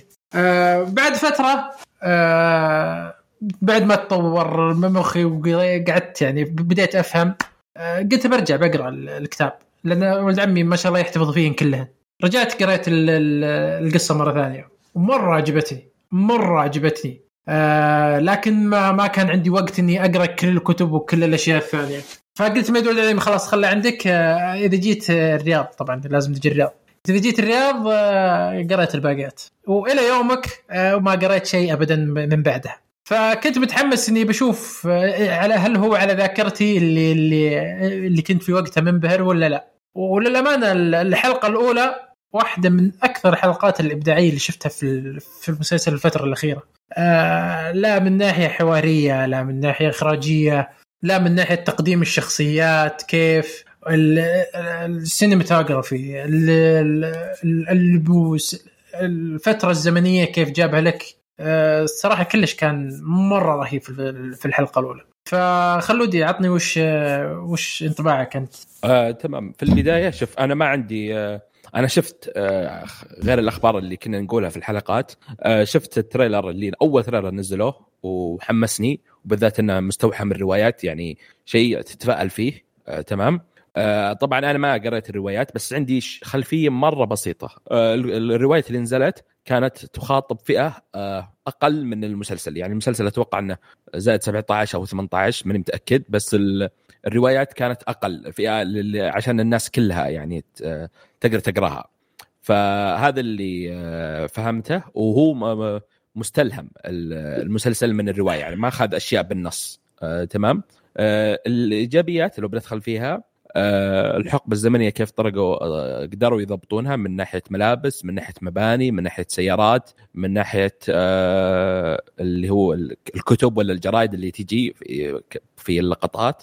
الإخراج آه، مو بكل الحلقات. آه، الحلقة الأولى والخامسة والسادسة اللي هو أخرجها آه، عمرو سلامة. آه، تمام. آه، الكتابة وتقديم الشخصيات في الحلقة الأولى كانت مرة واضحة ووافية وعلى طول من بعد الحلقة الأولى دخلوا في أساس القصة. آه، التمثيل من كل الشخصيات كان مرة ممتاز وارجع واقول كان عندي تخوف من الأطفال بعد ما شفناهم في Raised by Wolves و Bly Manor لأنهم صرت أشيل همهم أكثر من الممثلين الأساسيين صراحة. آه، كانوا مرة ممتازين وبالذات شخصية آه، البنت شيراز آه، أتوقع اسمها كذا كانت مرة ضابطة الدور و... وكيف شخصية الرعب. اسمه كذا مستحيل تنسى اسم شيراز. شيراز إيه. لأنه هو ما في إلا هو اسم شيراز اللي أذكره صراحة في المسلسل تقريبا. لأن اسم غريب. ما تسمعه كل يوم. آه، فعلى طول آه، علق في الذهن. اللي كانت آه، مرة ممتازة في الأحداث اللي حولها وفي بعض اللقطات كانت مرة ممتازة فيها صراحة. والممثل الرئيسي اللي هو الدكتور اللي هو رفعت إسماعيل كيف كيف طريقة ال- الشخصية اللي هو خلينا نقول اللي يتكلم شوي بس الذهن وتفكيره مرة كثير. اللي نسمع خلينا نقول حواراته بينه وبين نفسه اللي شوي كوميدي شوي جدي آه، شوي آه، سالب دائما الحياة سلبية ضده آه، هذه بعد ترى ماخوذه في- من الروايات نفس الطريقة هذه إيه هو هو. هو إيه. الروايات اللي يعلمك كيف يفكر دايم هذا من أحلى الأشياء اللي تشوفها في اللي, آه، اللي تحبها في الشخصية انه في الرواية ما آه، يعلمك كيف يفكر هو أكثر إيه. من انه يتكلم إيه. إيه يعلمك هو كيف يفكر عشان تعرف وش داخله أصلا لأن أصلا لو ما تدري وش داخله بتكره الشخصية هذه. تكرهها. و... وبعد آه، يعني ف... حتى الكوميديا اللي موجودة في في إذا جاي يفكر ولا كذا كانت آه، مرة ممتازة ومكتوبة صح صراحة. يعني ما ما- خربت الجو العام للمسلسل يعني. و... ممكن آه، بس خالد أوقفك هنا؟ بالنسبة للكوميديا yes. لأنها أسطورية. من جد من جد. إيه الكوميديا أخيرا عبد العزيز أعجب شيء. إيش الاستهبال ذا الصراحة الكوميديا. لا هو فكر ولا إذا تكلم. يعني شلون لذا الإنسان يطلع منه كوميديا رهيبة؟ التعليقات حقته أسطورية. مرة مرة مرة مو أسطورية صادق. هذا هنا هنا هنا صدق هنا هنا تكمن قوة الحوار. هنا تكمن قوة الكت... الحوار. قوة الكتابة. ال- اللي كاتب صراحة المسلسل آه، كاتب تعب تعب تعب تعب واضح واضح جدا التعب اللي اللي استغرقه في كتابة الحلقات. كل حلقة. اي كل حلقة كل حلقة متعوب عليها ومكتوب عليها صح. مرة. في كل جزء من الثانية متعوب عليه في الكتابة. في كل جزء من الثانية متعوب عليه في الإخراج. شيء يعني للأمانة شيء إبداعي.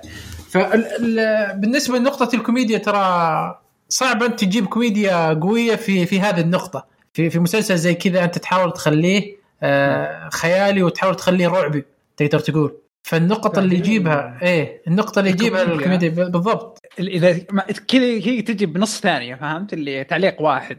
بس تعلق النكتة براسك لين تخلص الحلقة. النكتة بالضبط. رهيبة. جدا جت جدا. بوقت وطريقة رهيبة. آه، اسلم خالد. سبب لها إنه إنه جدا كانت ممتازة. هو نفس شخصية آه، الدكتور نفسه. الدكتور. يس إنه هو شخصيته كريه شوي ترى. يعني مرة كريه الرجال. مرة مرة. وصعب. فلما يقعد يفكر كذا ولما أحد يحاول يطلع منه شيء وهو يقعد يفكر براسه. طب تكلم قول شيء. هذا اللي ينرفزك فيه ويخليك تضحك يعني. وكانت مرة لايقة لما يحطون نكتة بأفكاره أو بكلامه حتى. هذا يا ليت بس ال- المسلسلات الخليجية يتعلمون من كيف آه، تحدث للذات تقدر تقول. آه، إن الإنسان يتكلم آه، من داخله. مو في المسلسلات الخليجيه يقولون كل ال- الكاست يتكلمون داخلهم وكل تسمع كل الأفكار وكل الأشياء. بالعكس يجيب لك الأفكار الصح اللي, اللي أنت تبغى تسمعها.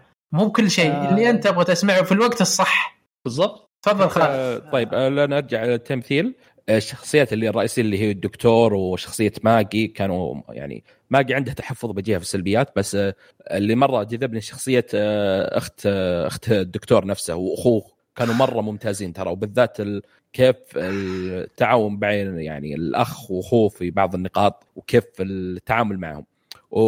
وهم يعني في مغامرة خلينا نقول آه، كيف أعطاك فرق بين شخصية الدكتور رفعت وشخصية ماجي؟ اللي شخصية ماجي اللي آه، تقول يعني الصدق عرفت؟ وهو لا اللي يخبي الكلام عرفت؟ فأعجبتني كيف طريقة الحوار بينهم وزي كذا.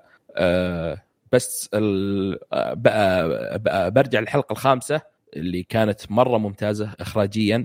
تمام خل خلنا بس ن- ن- إيه. نرجع له بس بعدين خلها أبو عابد آه، ال soundtrack اللي في الموسيقى. خلاص ما خليت شيء خلاص. لا بخلص المسلسل الحين وبدخل في الحرق الحال. لا اصبر خلي عبد الله ياخذ يعطينا وش عنده. تفضل أبو عابد آه، طبعا ما بيزيد على كلام الشباب يعني في الكتابه ومن الشخصيات يعني ما قصرتوا. آه، بس هي نقطة واحدة اللي ممكن أول نقطة تلاحظها أول ما تفتح المسلسل وتبقى معك لين وهي أكبر إيجابية. ال art direction في ال- المسلسل شيء أسطوري مرة تعبانين عليه. أول شيء أنت لازم تدخل في حقبة الستينات في مصر. فالجامعة الشقة الشوارع من أول حلقة على طول تدخل معك وتشبك. السيارات كمان ملابس الشخصيات كل شيء مرة مباشره شوي بعدين لما تتكلم عن مسلسل المفروض إنه يكون fantasy أو برضه فيه رعب وفيه آه، كذا رعب. المفروض إنه يخوفك. المفروض إنه الفانتسي تشدك وتدخلك في عالم ثاني. آه، لما نروح البيت اللي كان في الحلقة الأولى ونشوف ال- الخدم وش يلبسون وكيف يتحركون الغرف وأشكال الغرف البيت نفسه كيف من برا ومن جوا؟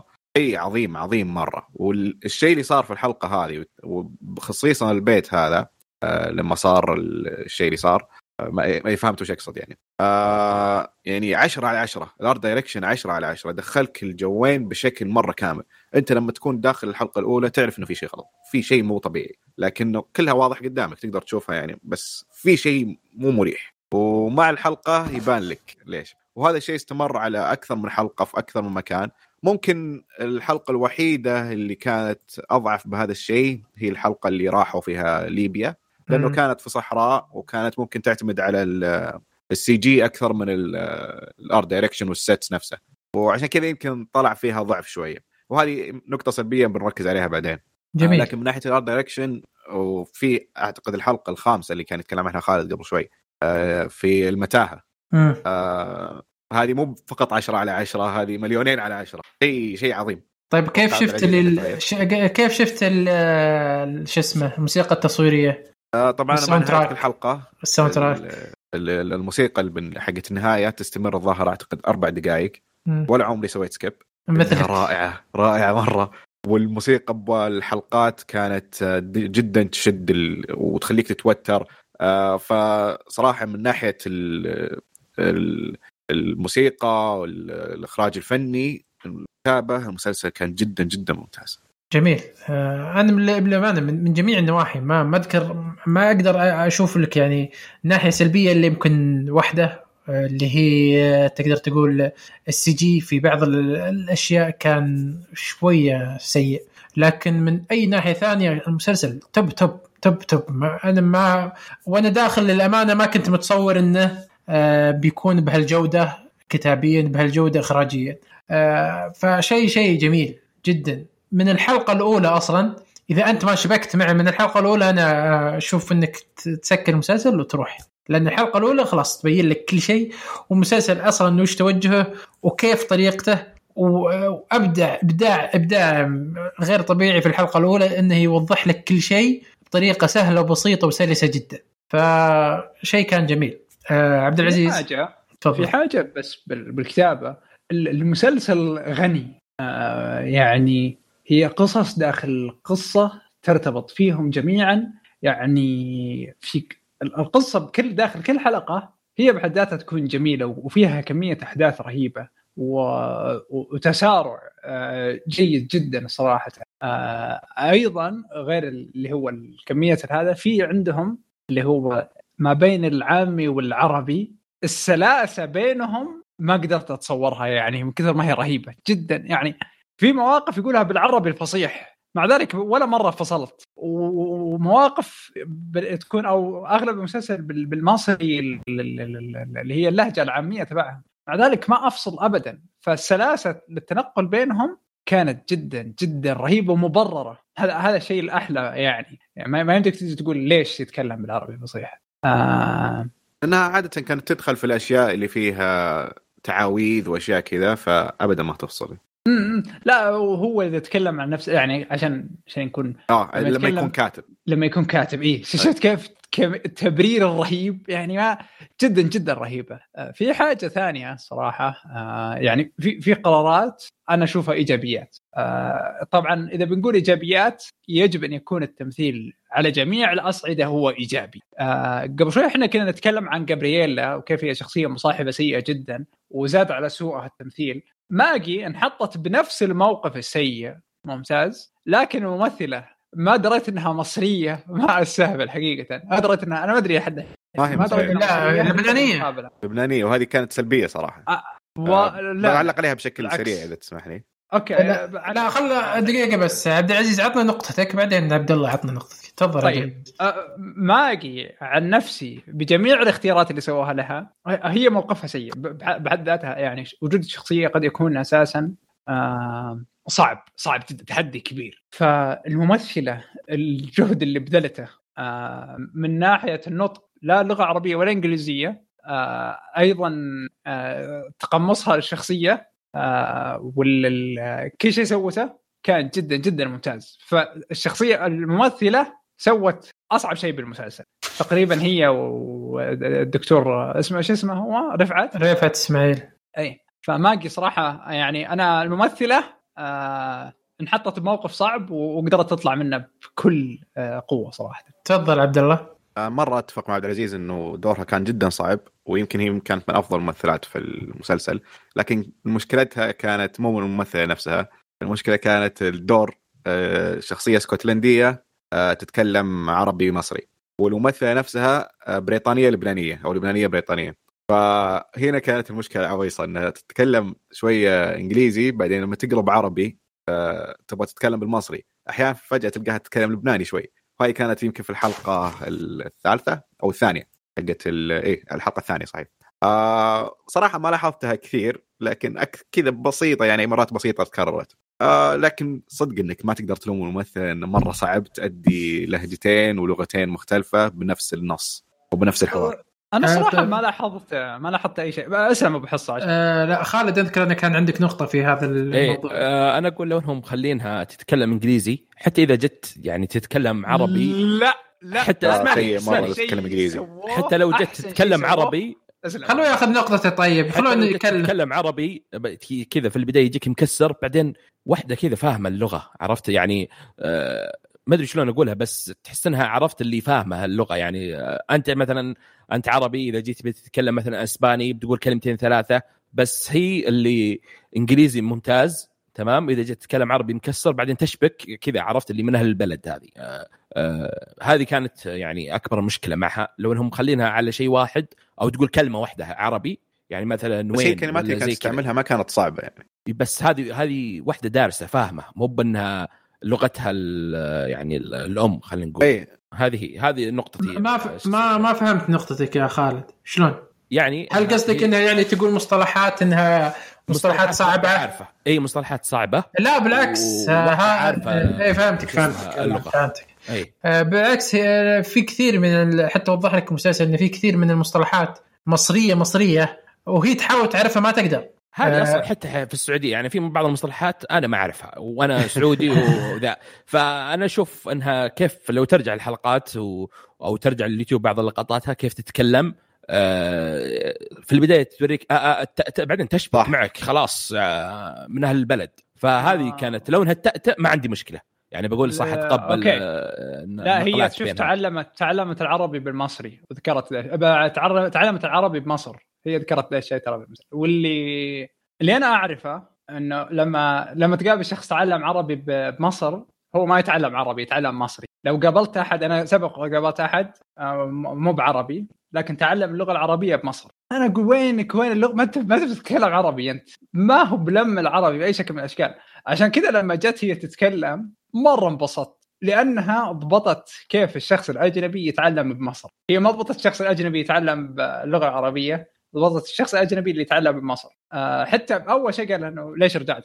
إيش جابك لمصر مرة ثانية؟ آه ف وأيضا قرار إنها تتكلم العربي أكثر من الإنجليزي. هذا بحد ذاته كان قرار جدا جدا رهيب وشجاع وممتاز. خلى العمل حقيقة. مرة أفضل.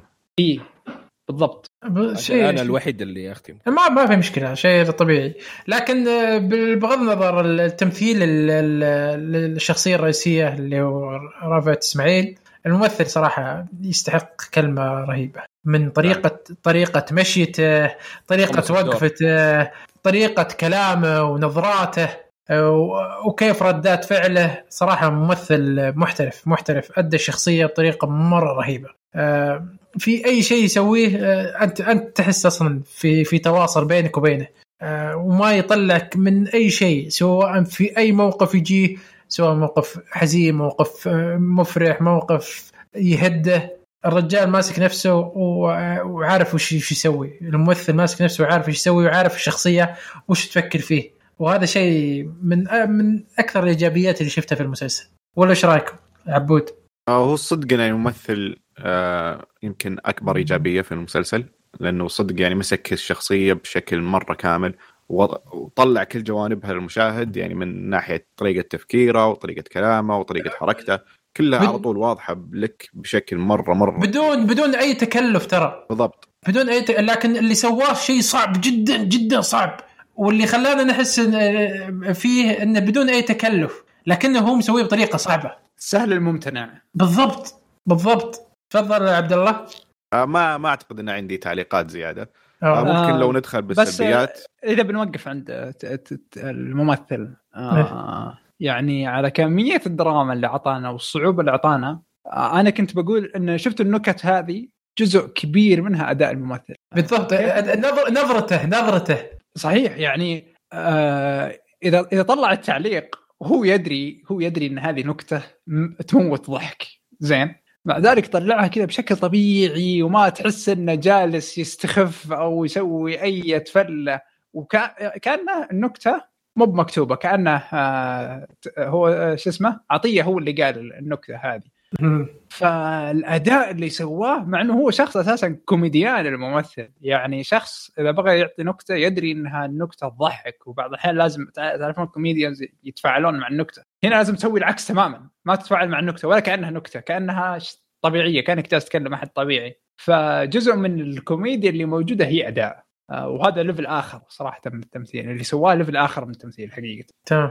آه، طيب عبود يلا خلينا نخش بالسلبيات. وش- الأكثر السلبيات اللي شفتها أنت؟ آه، طبعا بصراحة يعني ممكن بما أن تونا شايفين المسلسل أمس آه، فممكن مع الوقت يخف الحماس تطلع سلبيات أكثر لكن الآن ويمكن أكبر سلبية ممكن كل أحد يتكلم عنها آه، كانت ال CG. آه، اعتقد في الحلقة الماضية كان بيننا نقاش إنه لأي مرحلة ممكن تسامح ال CG ما يأثر واللي شفناه في مسلسل ما وراء الطبيعة كان جدا ضعيف. لكن هل أثر بمق... بجودة المسلسل بالنسبة لي؟ ابدا ولا أي درجة. يعني المسلسل الآن بالنسبة لي أشوفه ممتاز مع أن ال CG فيه كان من أسوأ ما يكون. ال CG آه، أنا معك بس السي جي ترى آه، كان ممتاز إلا في حلقة واحدة بس هي اللي كان ال CG فيها سيء مو ممتاز سيء مرة مزعج. مرة مزعج اللي هي الحلقة الثالثة. آه، لكن بشكل عام ال- الحلقات اللي اللي قبل لا والله مرة جميل. و- أنا أنا عندي استعداد أشرح ليش ال CG سيء بذيك الحلقة بس ممكن إي ما. لما. آه، في في أحد عنده سلبيات ثانية؟ أنا نفس السلبية آه، هذه. أنا عندي شيء بسيط. آه، بالنسبة نقطه سريعة. آه، ال CG كان مرة سيء آه، وكان يعني حتى حاطين أسود وكذا عشان يضيعون آه، المشاهد يعني. آه، غير سوء الحلقات يعني مثلا تذبذب الحلقات اللي مثلا الاولى ممتازة الثانية حلوة الثالثة سيئة مرة اللي حقت آه، ليبيا الرابعة كذا زي كذا. وحتى المخلوقات اللي تجي خلينا نقول. غير حق الصحراء كان كانت بدائية مرة بدائية. حتى إذا جاء تفاعلها مع الشخصيه اللي هو الدكتور نفسه اللي آه، حتى طريقة الإخراج عشان يوزون آه، يخ- يخبون العيوب اللي موجودة. فكان باستحياء أنهم يورونها لك. حتى لو ترجع للصور حقتها وتدقق أشياء بدائية مرة مرة بدائية. آه، بس هذه آه، أغلب السلبيات اللي عندي. جميل. آه، خ... آه، عبد العزيز عندك شيء ولا ننتقل لفقرة الحرق؟ القصة الرئيسية بحد ذاتها يعني خلينا نكون واضحين. إحنا ارتبطنا بالشخصيات من أجل تمثيلهم حقيقة. آه مو بشخصياتهم. آه يعني أو أو خلينا نقول سير قصصهم. ممكن لا ف- رفعت إسماعيل. أعتقد شخصيته. عن عن نفسي رفعت اسماعيل لو صار ما صار آه، وصلت إلى مرحلة إنه كقصة أو كشخصية مو بمرة همتني لكن التقمص لأني اشوفه بش... لأني اشوفه بالشاشة قدامي. والارتباط اللي فيها مثلا لما صار الحدث الصادم جدا بالحلقة خلينا نقول بالجزء الأخير من المسلسل كان عادي عندي آه وهذه يعني القصة الرئيسية مو مرة يعني ك... كان لها جودة درامية عالية. آه خلينا نقول إنه نقدر حاجة ماندلوريان اللي صاير. لا أنا ما أنا للأمانة معك ما أختلف. معك ابدا. مرة أختلف معك. آه، مثلا شوف آه، لو نتكلم عن The Mandalorian أو خلينا نتكلم آه، شيء أقرب منه Helstrom Helstrom ممكن يعتبر نفس التصنيف fantasy آه، في Helstrom والمسلسلات اللي تقريبا تشبهها دائما البطل بينقذهم باخر لحظة وكانت تتكرر في كل آه، حلقة في Helstrom هنا okay ممكن البطل ينقذهم بآخر لحظة لكن في عواقب كبيرة. كل حلقة كان فيها عواقب مرة مرة كبيرة.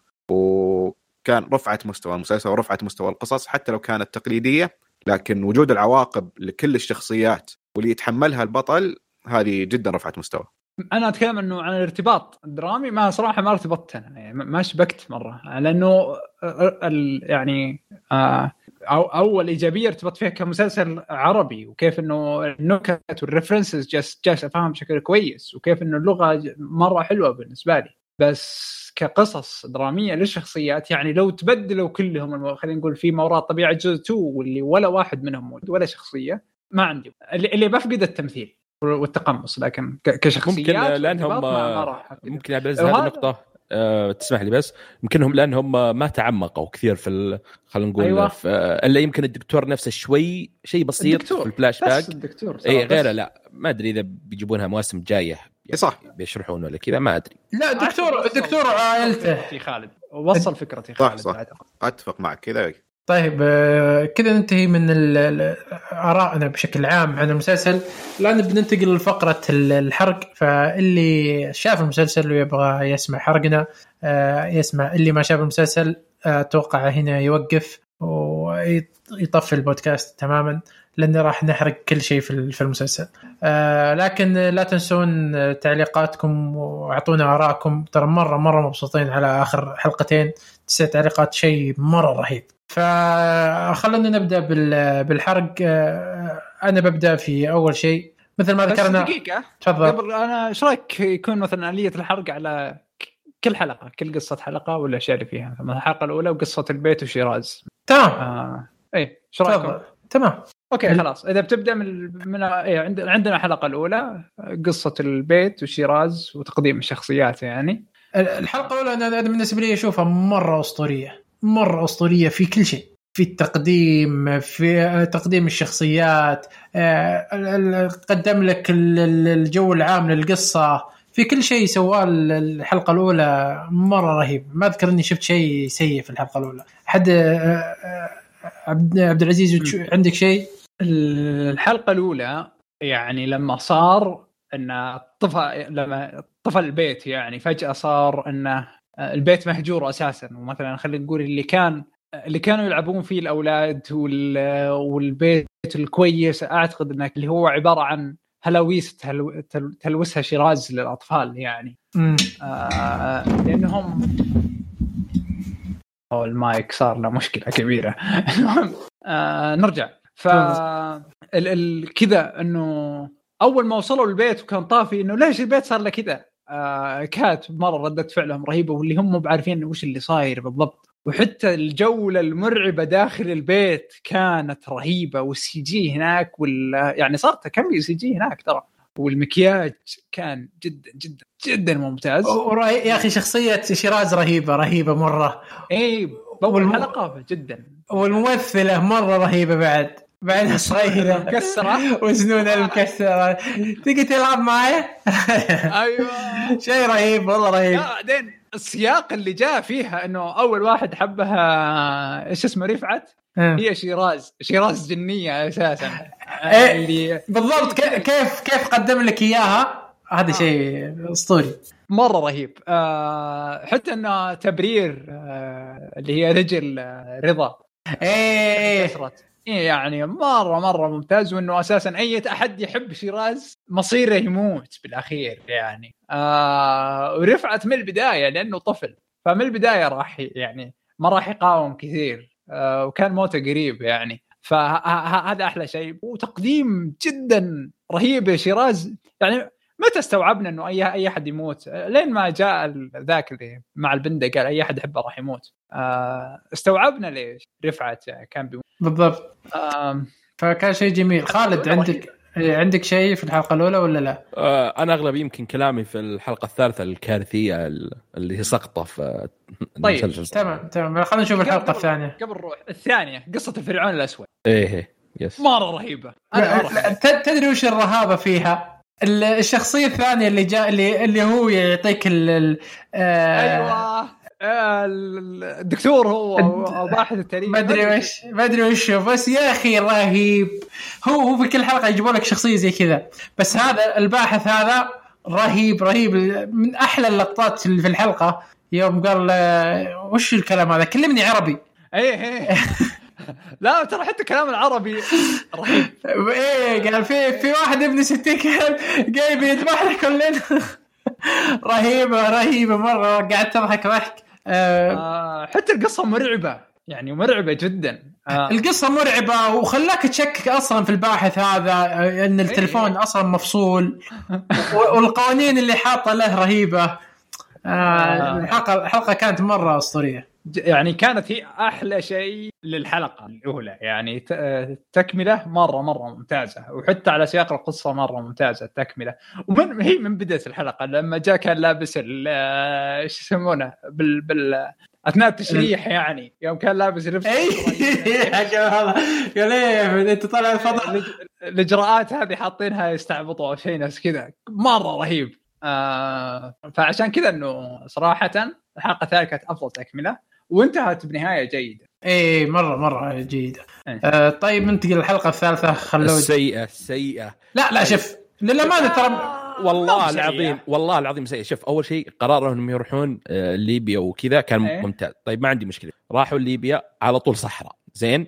ويمشون في الصحراء مو بيوم يعني أيام عرفت؟ ولا عرق ولا تعب ولا بس كذا مكياج شيء بسيط على الوجه آه، حتى رخيص بس إنه يعني تعب وكذا. آه بعدين ندخل على الكارثة اللي هو مشهد الكهف وال CG القرد اللي King Kong ما أدري ذا اللي ما أدري هل هو موجود في الروايات ولا من عندهم كذا جايبينه زياده لا هو يعني- مخلوق كان كان مخلوق. إيه، موجود في الروايات. مخلوق. اي ما أدري يعني بس آه، مرة سيء مرة إيه، لا. بدائي لا لا شوف أنا بعلمك. موزينه باللون الأسود في الليل كذا عشان ما يجيبون يعني باين بس باين يظل. أه. يعني. كقصة وك ككتابة كانت ممتازة مرة ممتازة وفيها أشياء ممتازة لو انهم تعمقوا في الكهف نفسه اللي كذا حطوا أشياء رعب زيادة فيه بدل ما هو لا لا بالعكس آه، أنا بالنسبة لي شخصيا كانت كل شيء راضي عنه آه، كقصة ككتابة لكن ال- ال- الحلقة كان كانت آه، تحسها فيها شوي تطويل شوي تمطيط. آه، في ال- في الحلقة نفسها. آه، طبعا غير ال CG اللي كان سيء مرة سيء مره مرة يعني بدرجة ما تتصور. آه، خصوصا أول ما وصلوا الفندق آه، في اثنين طالعين من ال green screen شيء غري غبي طالع. فهذا كان مرة سيء. آه، لكن بغض النظر كانت ال- ال- الكتابة في الحلقة حلوة. كيف إنهم جابوا الصحراء والطوارق وال- وال- والنكتة الأخيرة اللي يوم يخلصون من الكهف قال إيه هندموي ما تغيرش إزاي أيوه اي اي اي. فكل الحلقة كانت لكن فيها كان تمطيط أنا معك. كان فيها شوية تمطيط في الحلقة آه، خلاها سيئة. آه، بشكل عام الكتابة فيها ممتازة. آه، الإخراج شوي لك عليه شوي شوي لكن مو مرة. ال CG مرة سيء. مع انهم أحس إنهم دافعين فلوس زيادة على ال CG لكن ما طلع بالشكل المطلوب. أو انه أو ان أو إن المخرج يمكن إنه قال أنا أبغى أطلع الشخصية أبغى أطلع الوحش. آه، لانهم ترى هم على فكرة عمرو سلامة هو بس الأولى والخامسة والسادسة هذا مخرج ثاني اللي هو الثانية والثالثة والرابعة. آه، غير إيه بف... إيه عارف عارف. تفضل عبد العزيز. الحلقة ككتابة جدا جدا متميزة حقيقة. يعني لو جينا شفناها على ورق. إيه آه، قصتها حلوة مرة حلوة وفكرتها حلوة وكل شيء. أيوه. تفضل. آه، حتى دخول الشخصية الثالثة مو يعني ما كان سيء مرة. أعتقد هو أضعفهم من ناحية الشخصيات إيه. الجانبية اللي دخلوا لكنه يعني كان لا بأس. آه لكن المخرج أعتقد إنه مشى كثير مشى يعني كثير. آه من ناحية يعني المنطق بحد ذاته لما بالصحراء إنهم أوه كذا يمشون يلا يعني وش السماجة ذي ترى يمشون بالصحراء العظمى بأفريقيا يعني. وش الاستهبال ذا؟ وما عندهم directions معينة. وواحد بس اللي معه شنطة يعني لل... فكان استهبال. ف يعني التفاصيل بالحلقة ديك آه، ما تم يعني النظر لها بأي شكل من الأشكال. وحسيت صراحة إنه مسلسل رخيص مو مو بالمسلسل اللي إحنا yes مو بنفس اللي شفته في الحلقة الأولى. إيه, إيه. بالنسبة لل CG بينت ضعفه أنا من الحلقة الثانية لما جاء الإهرامات. آه عرفت إنه الناس اللي شغالة على على ال CG مش ممكن مش كويسة كفاية أو إنه آه ما كان عندهم وقت ميزانية كافية. فلما ج... ما استغربت ابدا الشكل اللي طلع فيه آه، الوحش. وكان قرار جريء منهم وكان المفروض صراحة ما, ما إنهم يستخدمون إنهم يطلعون الوحش يعني آه، بأي شكل من لأنه من الحلقة الثانية واضح واضح الضعف وإذا بتحط تحدي على نفسك أكبر بتصير مشكلة أكبر آه، فهم حطوا وأنا راح يعني ممكن لو تبغون أقول لكم إنه ليش الغوريلا بحد ذاته كان ضعيف بغض النظر إنه اختيار غوريلا كان سيء أساسا إذا غوريلا في الصحراء ما إيه. ادري شلون جت إيه. إيه. هذا بحد ذاته كان سيء لكن المشكلة إما إنه يعني الأسيتس أنت اذا إذا, إذا تبغى تجيب خلينا نقول غوريلا الحين. حلو؟ بتحطها. أو اي أي حيوان بالبرنامج حق 3 دي عندك في في أشياء معينة كثير عشان تحط الغوريلا كويس أو إنه الناس اللي يرسمون الغوريلا يرسمون يرسمونه بتفاصيل معينة يعني. فعلى سبيل الحيوانات لما أشوف دارك ماتيريالز كيف إنه الدب في شخط من هنا وعشان تعبان وكيف إنه مدري إيش تقدر تقدر تشوف التفاصيل هذه اللي توضح لك كمية آه يعني واقعيه الحيوان هذا الغوريلا ما عنده أي تفاصيل مسكين. يعني جايبينه من برنامج مجاني. ثانيا ما في على ما يبدو إنه ما في شخص supervisor للمؤثرات البصرية كان موجود على ال set. ليش لازم يصير في supervisor أول شيء ال reference reference الإضاءة والظلال والأشياء هذه كلها ترى الغوريلا يعني في لقطة كان يمشي وكان في نور. ما كان له ظلال. ترى على فكرة دي الأشياء البسيطة مثل الظل الإضاءة آه اللي هي حن عندك برضو اللي هي موضوع آه انعكاس الضوء من الحيوان أو المخلوق نفسه. من أي شيء ترى هذه الأشياء اللي تعطي واقعية. حتى يعني فيزيائية الحركة هي اللي تعلم عقلنا اللاواعي إنه هذا شيء حقيقي. حتى لو عقلك الواعي يدري إنه CG مع ذلك كذا أنت تندمج. آه فأعتقد إنه بال set ما كان في supervisor هناك عشان يعطي مثلا تلميحات لل set آه ويكون أبسط للناس اللي خلفك الناس اللي بال post production إنهم يسوون كويس. آه فعدة عوامل كثيرة أدت لظهور المشهد بهذا الضعف. يس آه صراحة. جميل. ف... آه يس جميل. خلينا ننتقل طيب للحلقة اللي بعدها. آه الحلقة ال... ما أدري وش وش الاسم هم وش يسموه اللي راحوا لل... لل... للقرية حقتهم ورجعوا. عشان أخوه. آه هذه بالنسبة لي قصة أسطورية. أسطورة النداية. حياك حياك جاء عبد الله. عطنا رأيك طيب عن أسطورة النداية. آه دقيقة شوي مشغول. أوكي. آه، أسطورة النداية هذه الشخصية الثانوية برضو اللي جت كانت شخصية رهيبة. اللي, اللي الدكتور؟ الدكتور. هذاك مرة رهيب صراحة. مرة طريقته أصلا وجهه وعينه عينه فيها حور. ف أصلا ما يحسسك بالأمان هو وطريقة كلامه ما يحسسك خليك بال... تشك فيه اي إيه خليك تشك فيه ما يحسسك ابدا بالأمان. آه فكانت القصة في في هذاك الوقت ممتازة. لكن اللي ما فهمته في نهاية الحلقة ما أدري ليش أخوه راح وغرق ومات. هو أن شو اسمها هذيك شيراز. شيراز اللي آه، أصوات أو أتوقع تناديك بأصوات. عرفتها؟ اي شيراز فكته وبد. إيه؟ لا لا لا مو بحقة الاصوات آه شيراز فكته عشان ينقذ آه عمرو. أو معليش آه رفعت. إيه ينقذ من ويش؟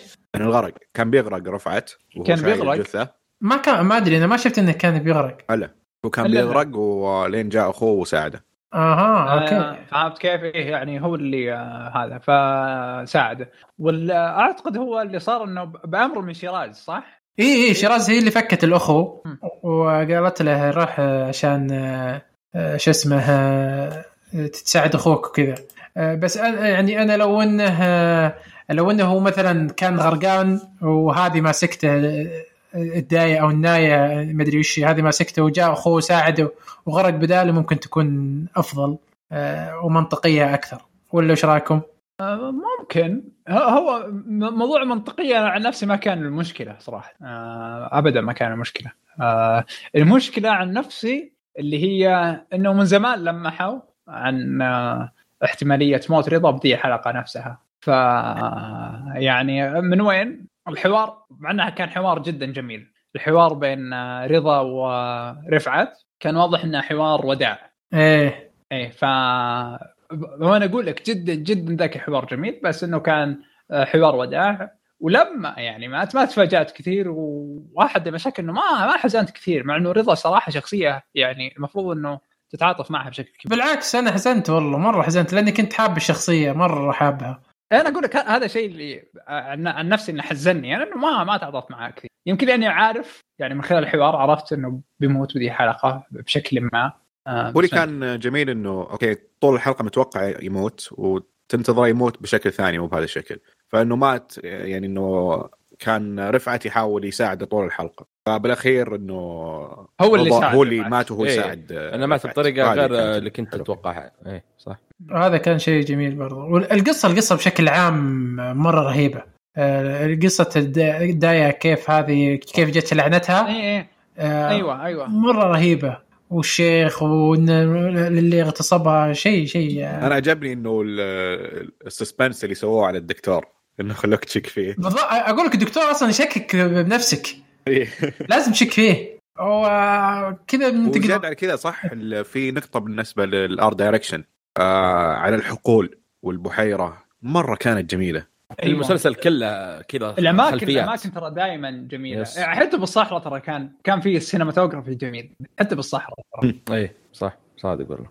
طيب ننتقل للحلقة ل- ل- الخامسة اللي أنا بالنسبة لي أشوفها أفضل حلقة. آه، آه، تقريبا أفضل حلقة في المسلسل كله مع إن المسلسل مليان حلقات رهيبة بس هذه هذه كانت أسطورية. أسطورية. لا كتابة لا إخراج.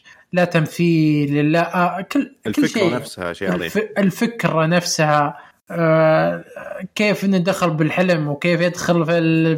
يطارد الجاثوم وي...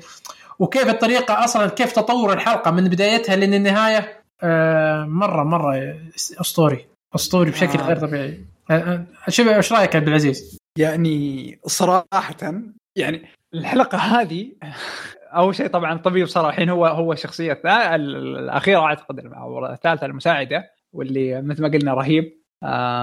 طلعت اللي صار عليه واللي هو من بداية الحلقة برضو إنه لازم تضحي ترى بإنسان.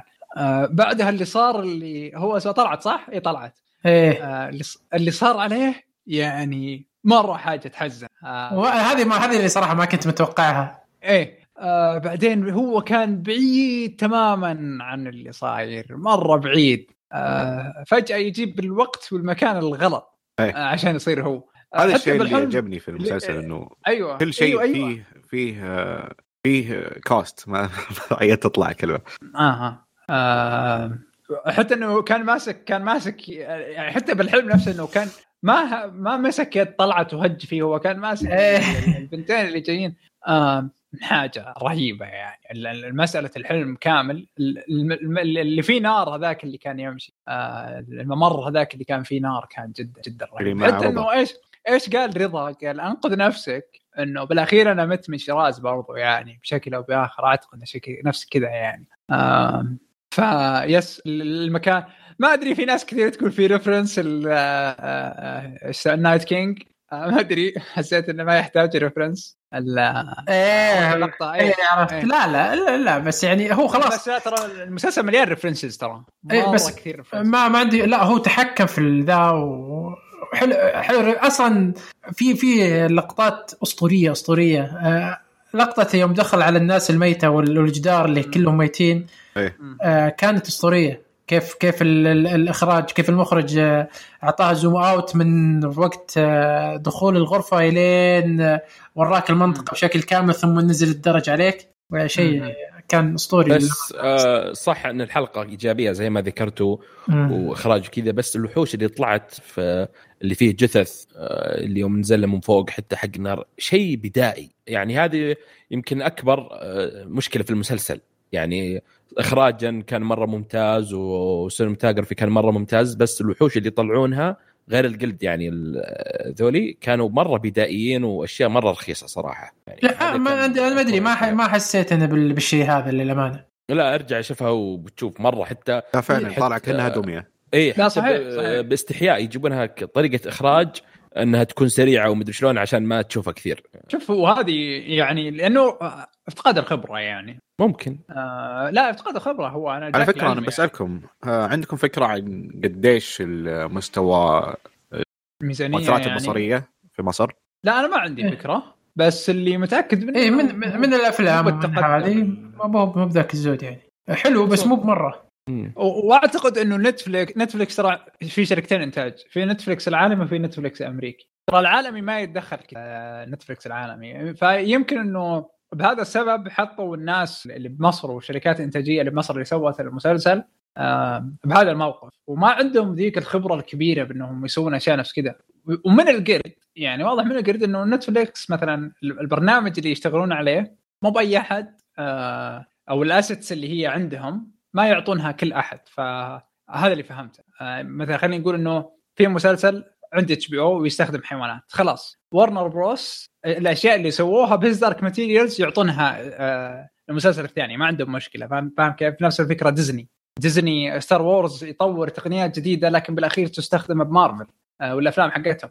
لكن يبدو إنه نتفلكس ما تستخدم هذا الشيء الكبر يعني شركات الإنتاج والإنتاج العالمي اللي عندهم ما يقدرون مثلا إنهم ممكن لأنه. ديزني أصلا مالكة للشركتين مالكة لوكاس ومالكة المارفل فكلها حقتهم بالضبط بس آه، بالضبط. نتفلكس لا تتعاقد مع الشركات هذه مو مو تعاقد مالكة. مع شركات فما تقدر تعطيهم الحقوق حقتها يعني بالأخير مثلا أو شيء نفس كذا عشان يقدرون يتحكمون فيها ما مو متأكد من ذا الشيء آه عشان كذا لاحظنا إنه ترى الأغلب الإنتاج على ما يبدو إنه كان بمصر ومصري يعني. آه ممكن شوية آه سوبرفايزد من ناس أو خلينا نقول استشارات من شركات ثانية يمكن. عشان كذا تلقى الضعف وأنا أقدر أمشي الضعف هذا إذا كنا بالبدايات. جميل جميل جدا. آه طيب ننتقل للحلقة السادسة والأخيرة. آه آه، عبد العزيز معنا ولا ولا ما شفت الحلقة لا؟ ما ما شاف الحلقة. تمام. آه، طيب آه، الحلقة كانوا وضحوا لنا في الحلقة الأخيرة طبعا سبب آه، آه، كيف احترق آه، شو اسمه البيت وقصة آه، وفاة اللي هي شيراز وكيف كل شيء بدأ وانتهى في يعني في نفس المكان زي كذا. فكيف شفت يا والله رهيب. للأمانة كانت رهيبة الحلقة في كل تفاصيلها وفي كل شيء كان موجود في الحلقة. كتابيا واخراجيا. وحزنت حزنت بشكل كبير على شيراز. شيء يقهر. بس ودي تعرف ليش ليش جدها الحيوان هذا ساجنها تحت؟ إي هنا ما ما آه صح ما كانت واضحة بس ما أدري إيه. جلست أتخيل من رأسي. أنا أتوقع من إيه إيه تفضل.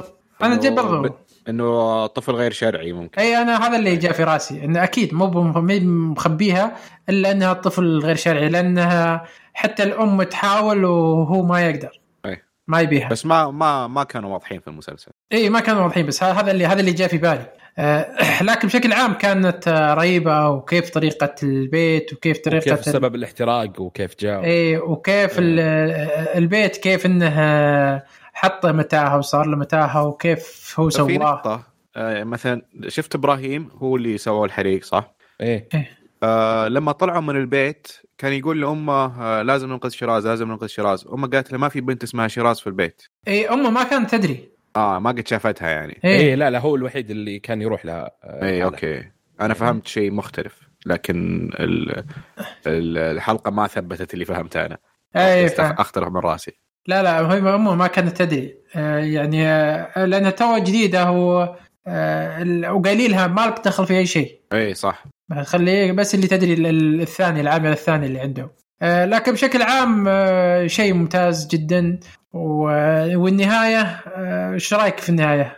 ان آه إن لوي الكوب يوم آه، إيه لا إن لوي هو طلع ال- ال- الشيطان إيه، إيه، اللي إيه. يدبر كلش. آه كان مرة ممتاز صراحة. يعني كيف آه، خلوا البداية هي النهاية والنهاية هي البداية. يعني وال- والحبكة اللي سووها صراحة. بس خلينا قبل ما ندخل النهاية إنه فكرة الحلقة إنه قد تحولت شيراز من كانت ال villain أو الشخص إلى- اللي جالس يخرب إيه. حياة آه، الدكتور نفسه. آه، رفعت للشخص اللي لازم ينقذ رفعت عشان يكمل حياته بشكل طبيعي. فكانت جدا جدا حلوة الفكرة إنه التحول اللي صار لرفعت لشيراز وخلوك كيف تحن عليها وتتعاطف معها.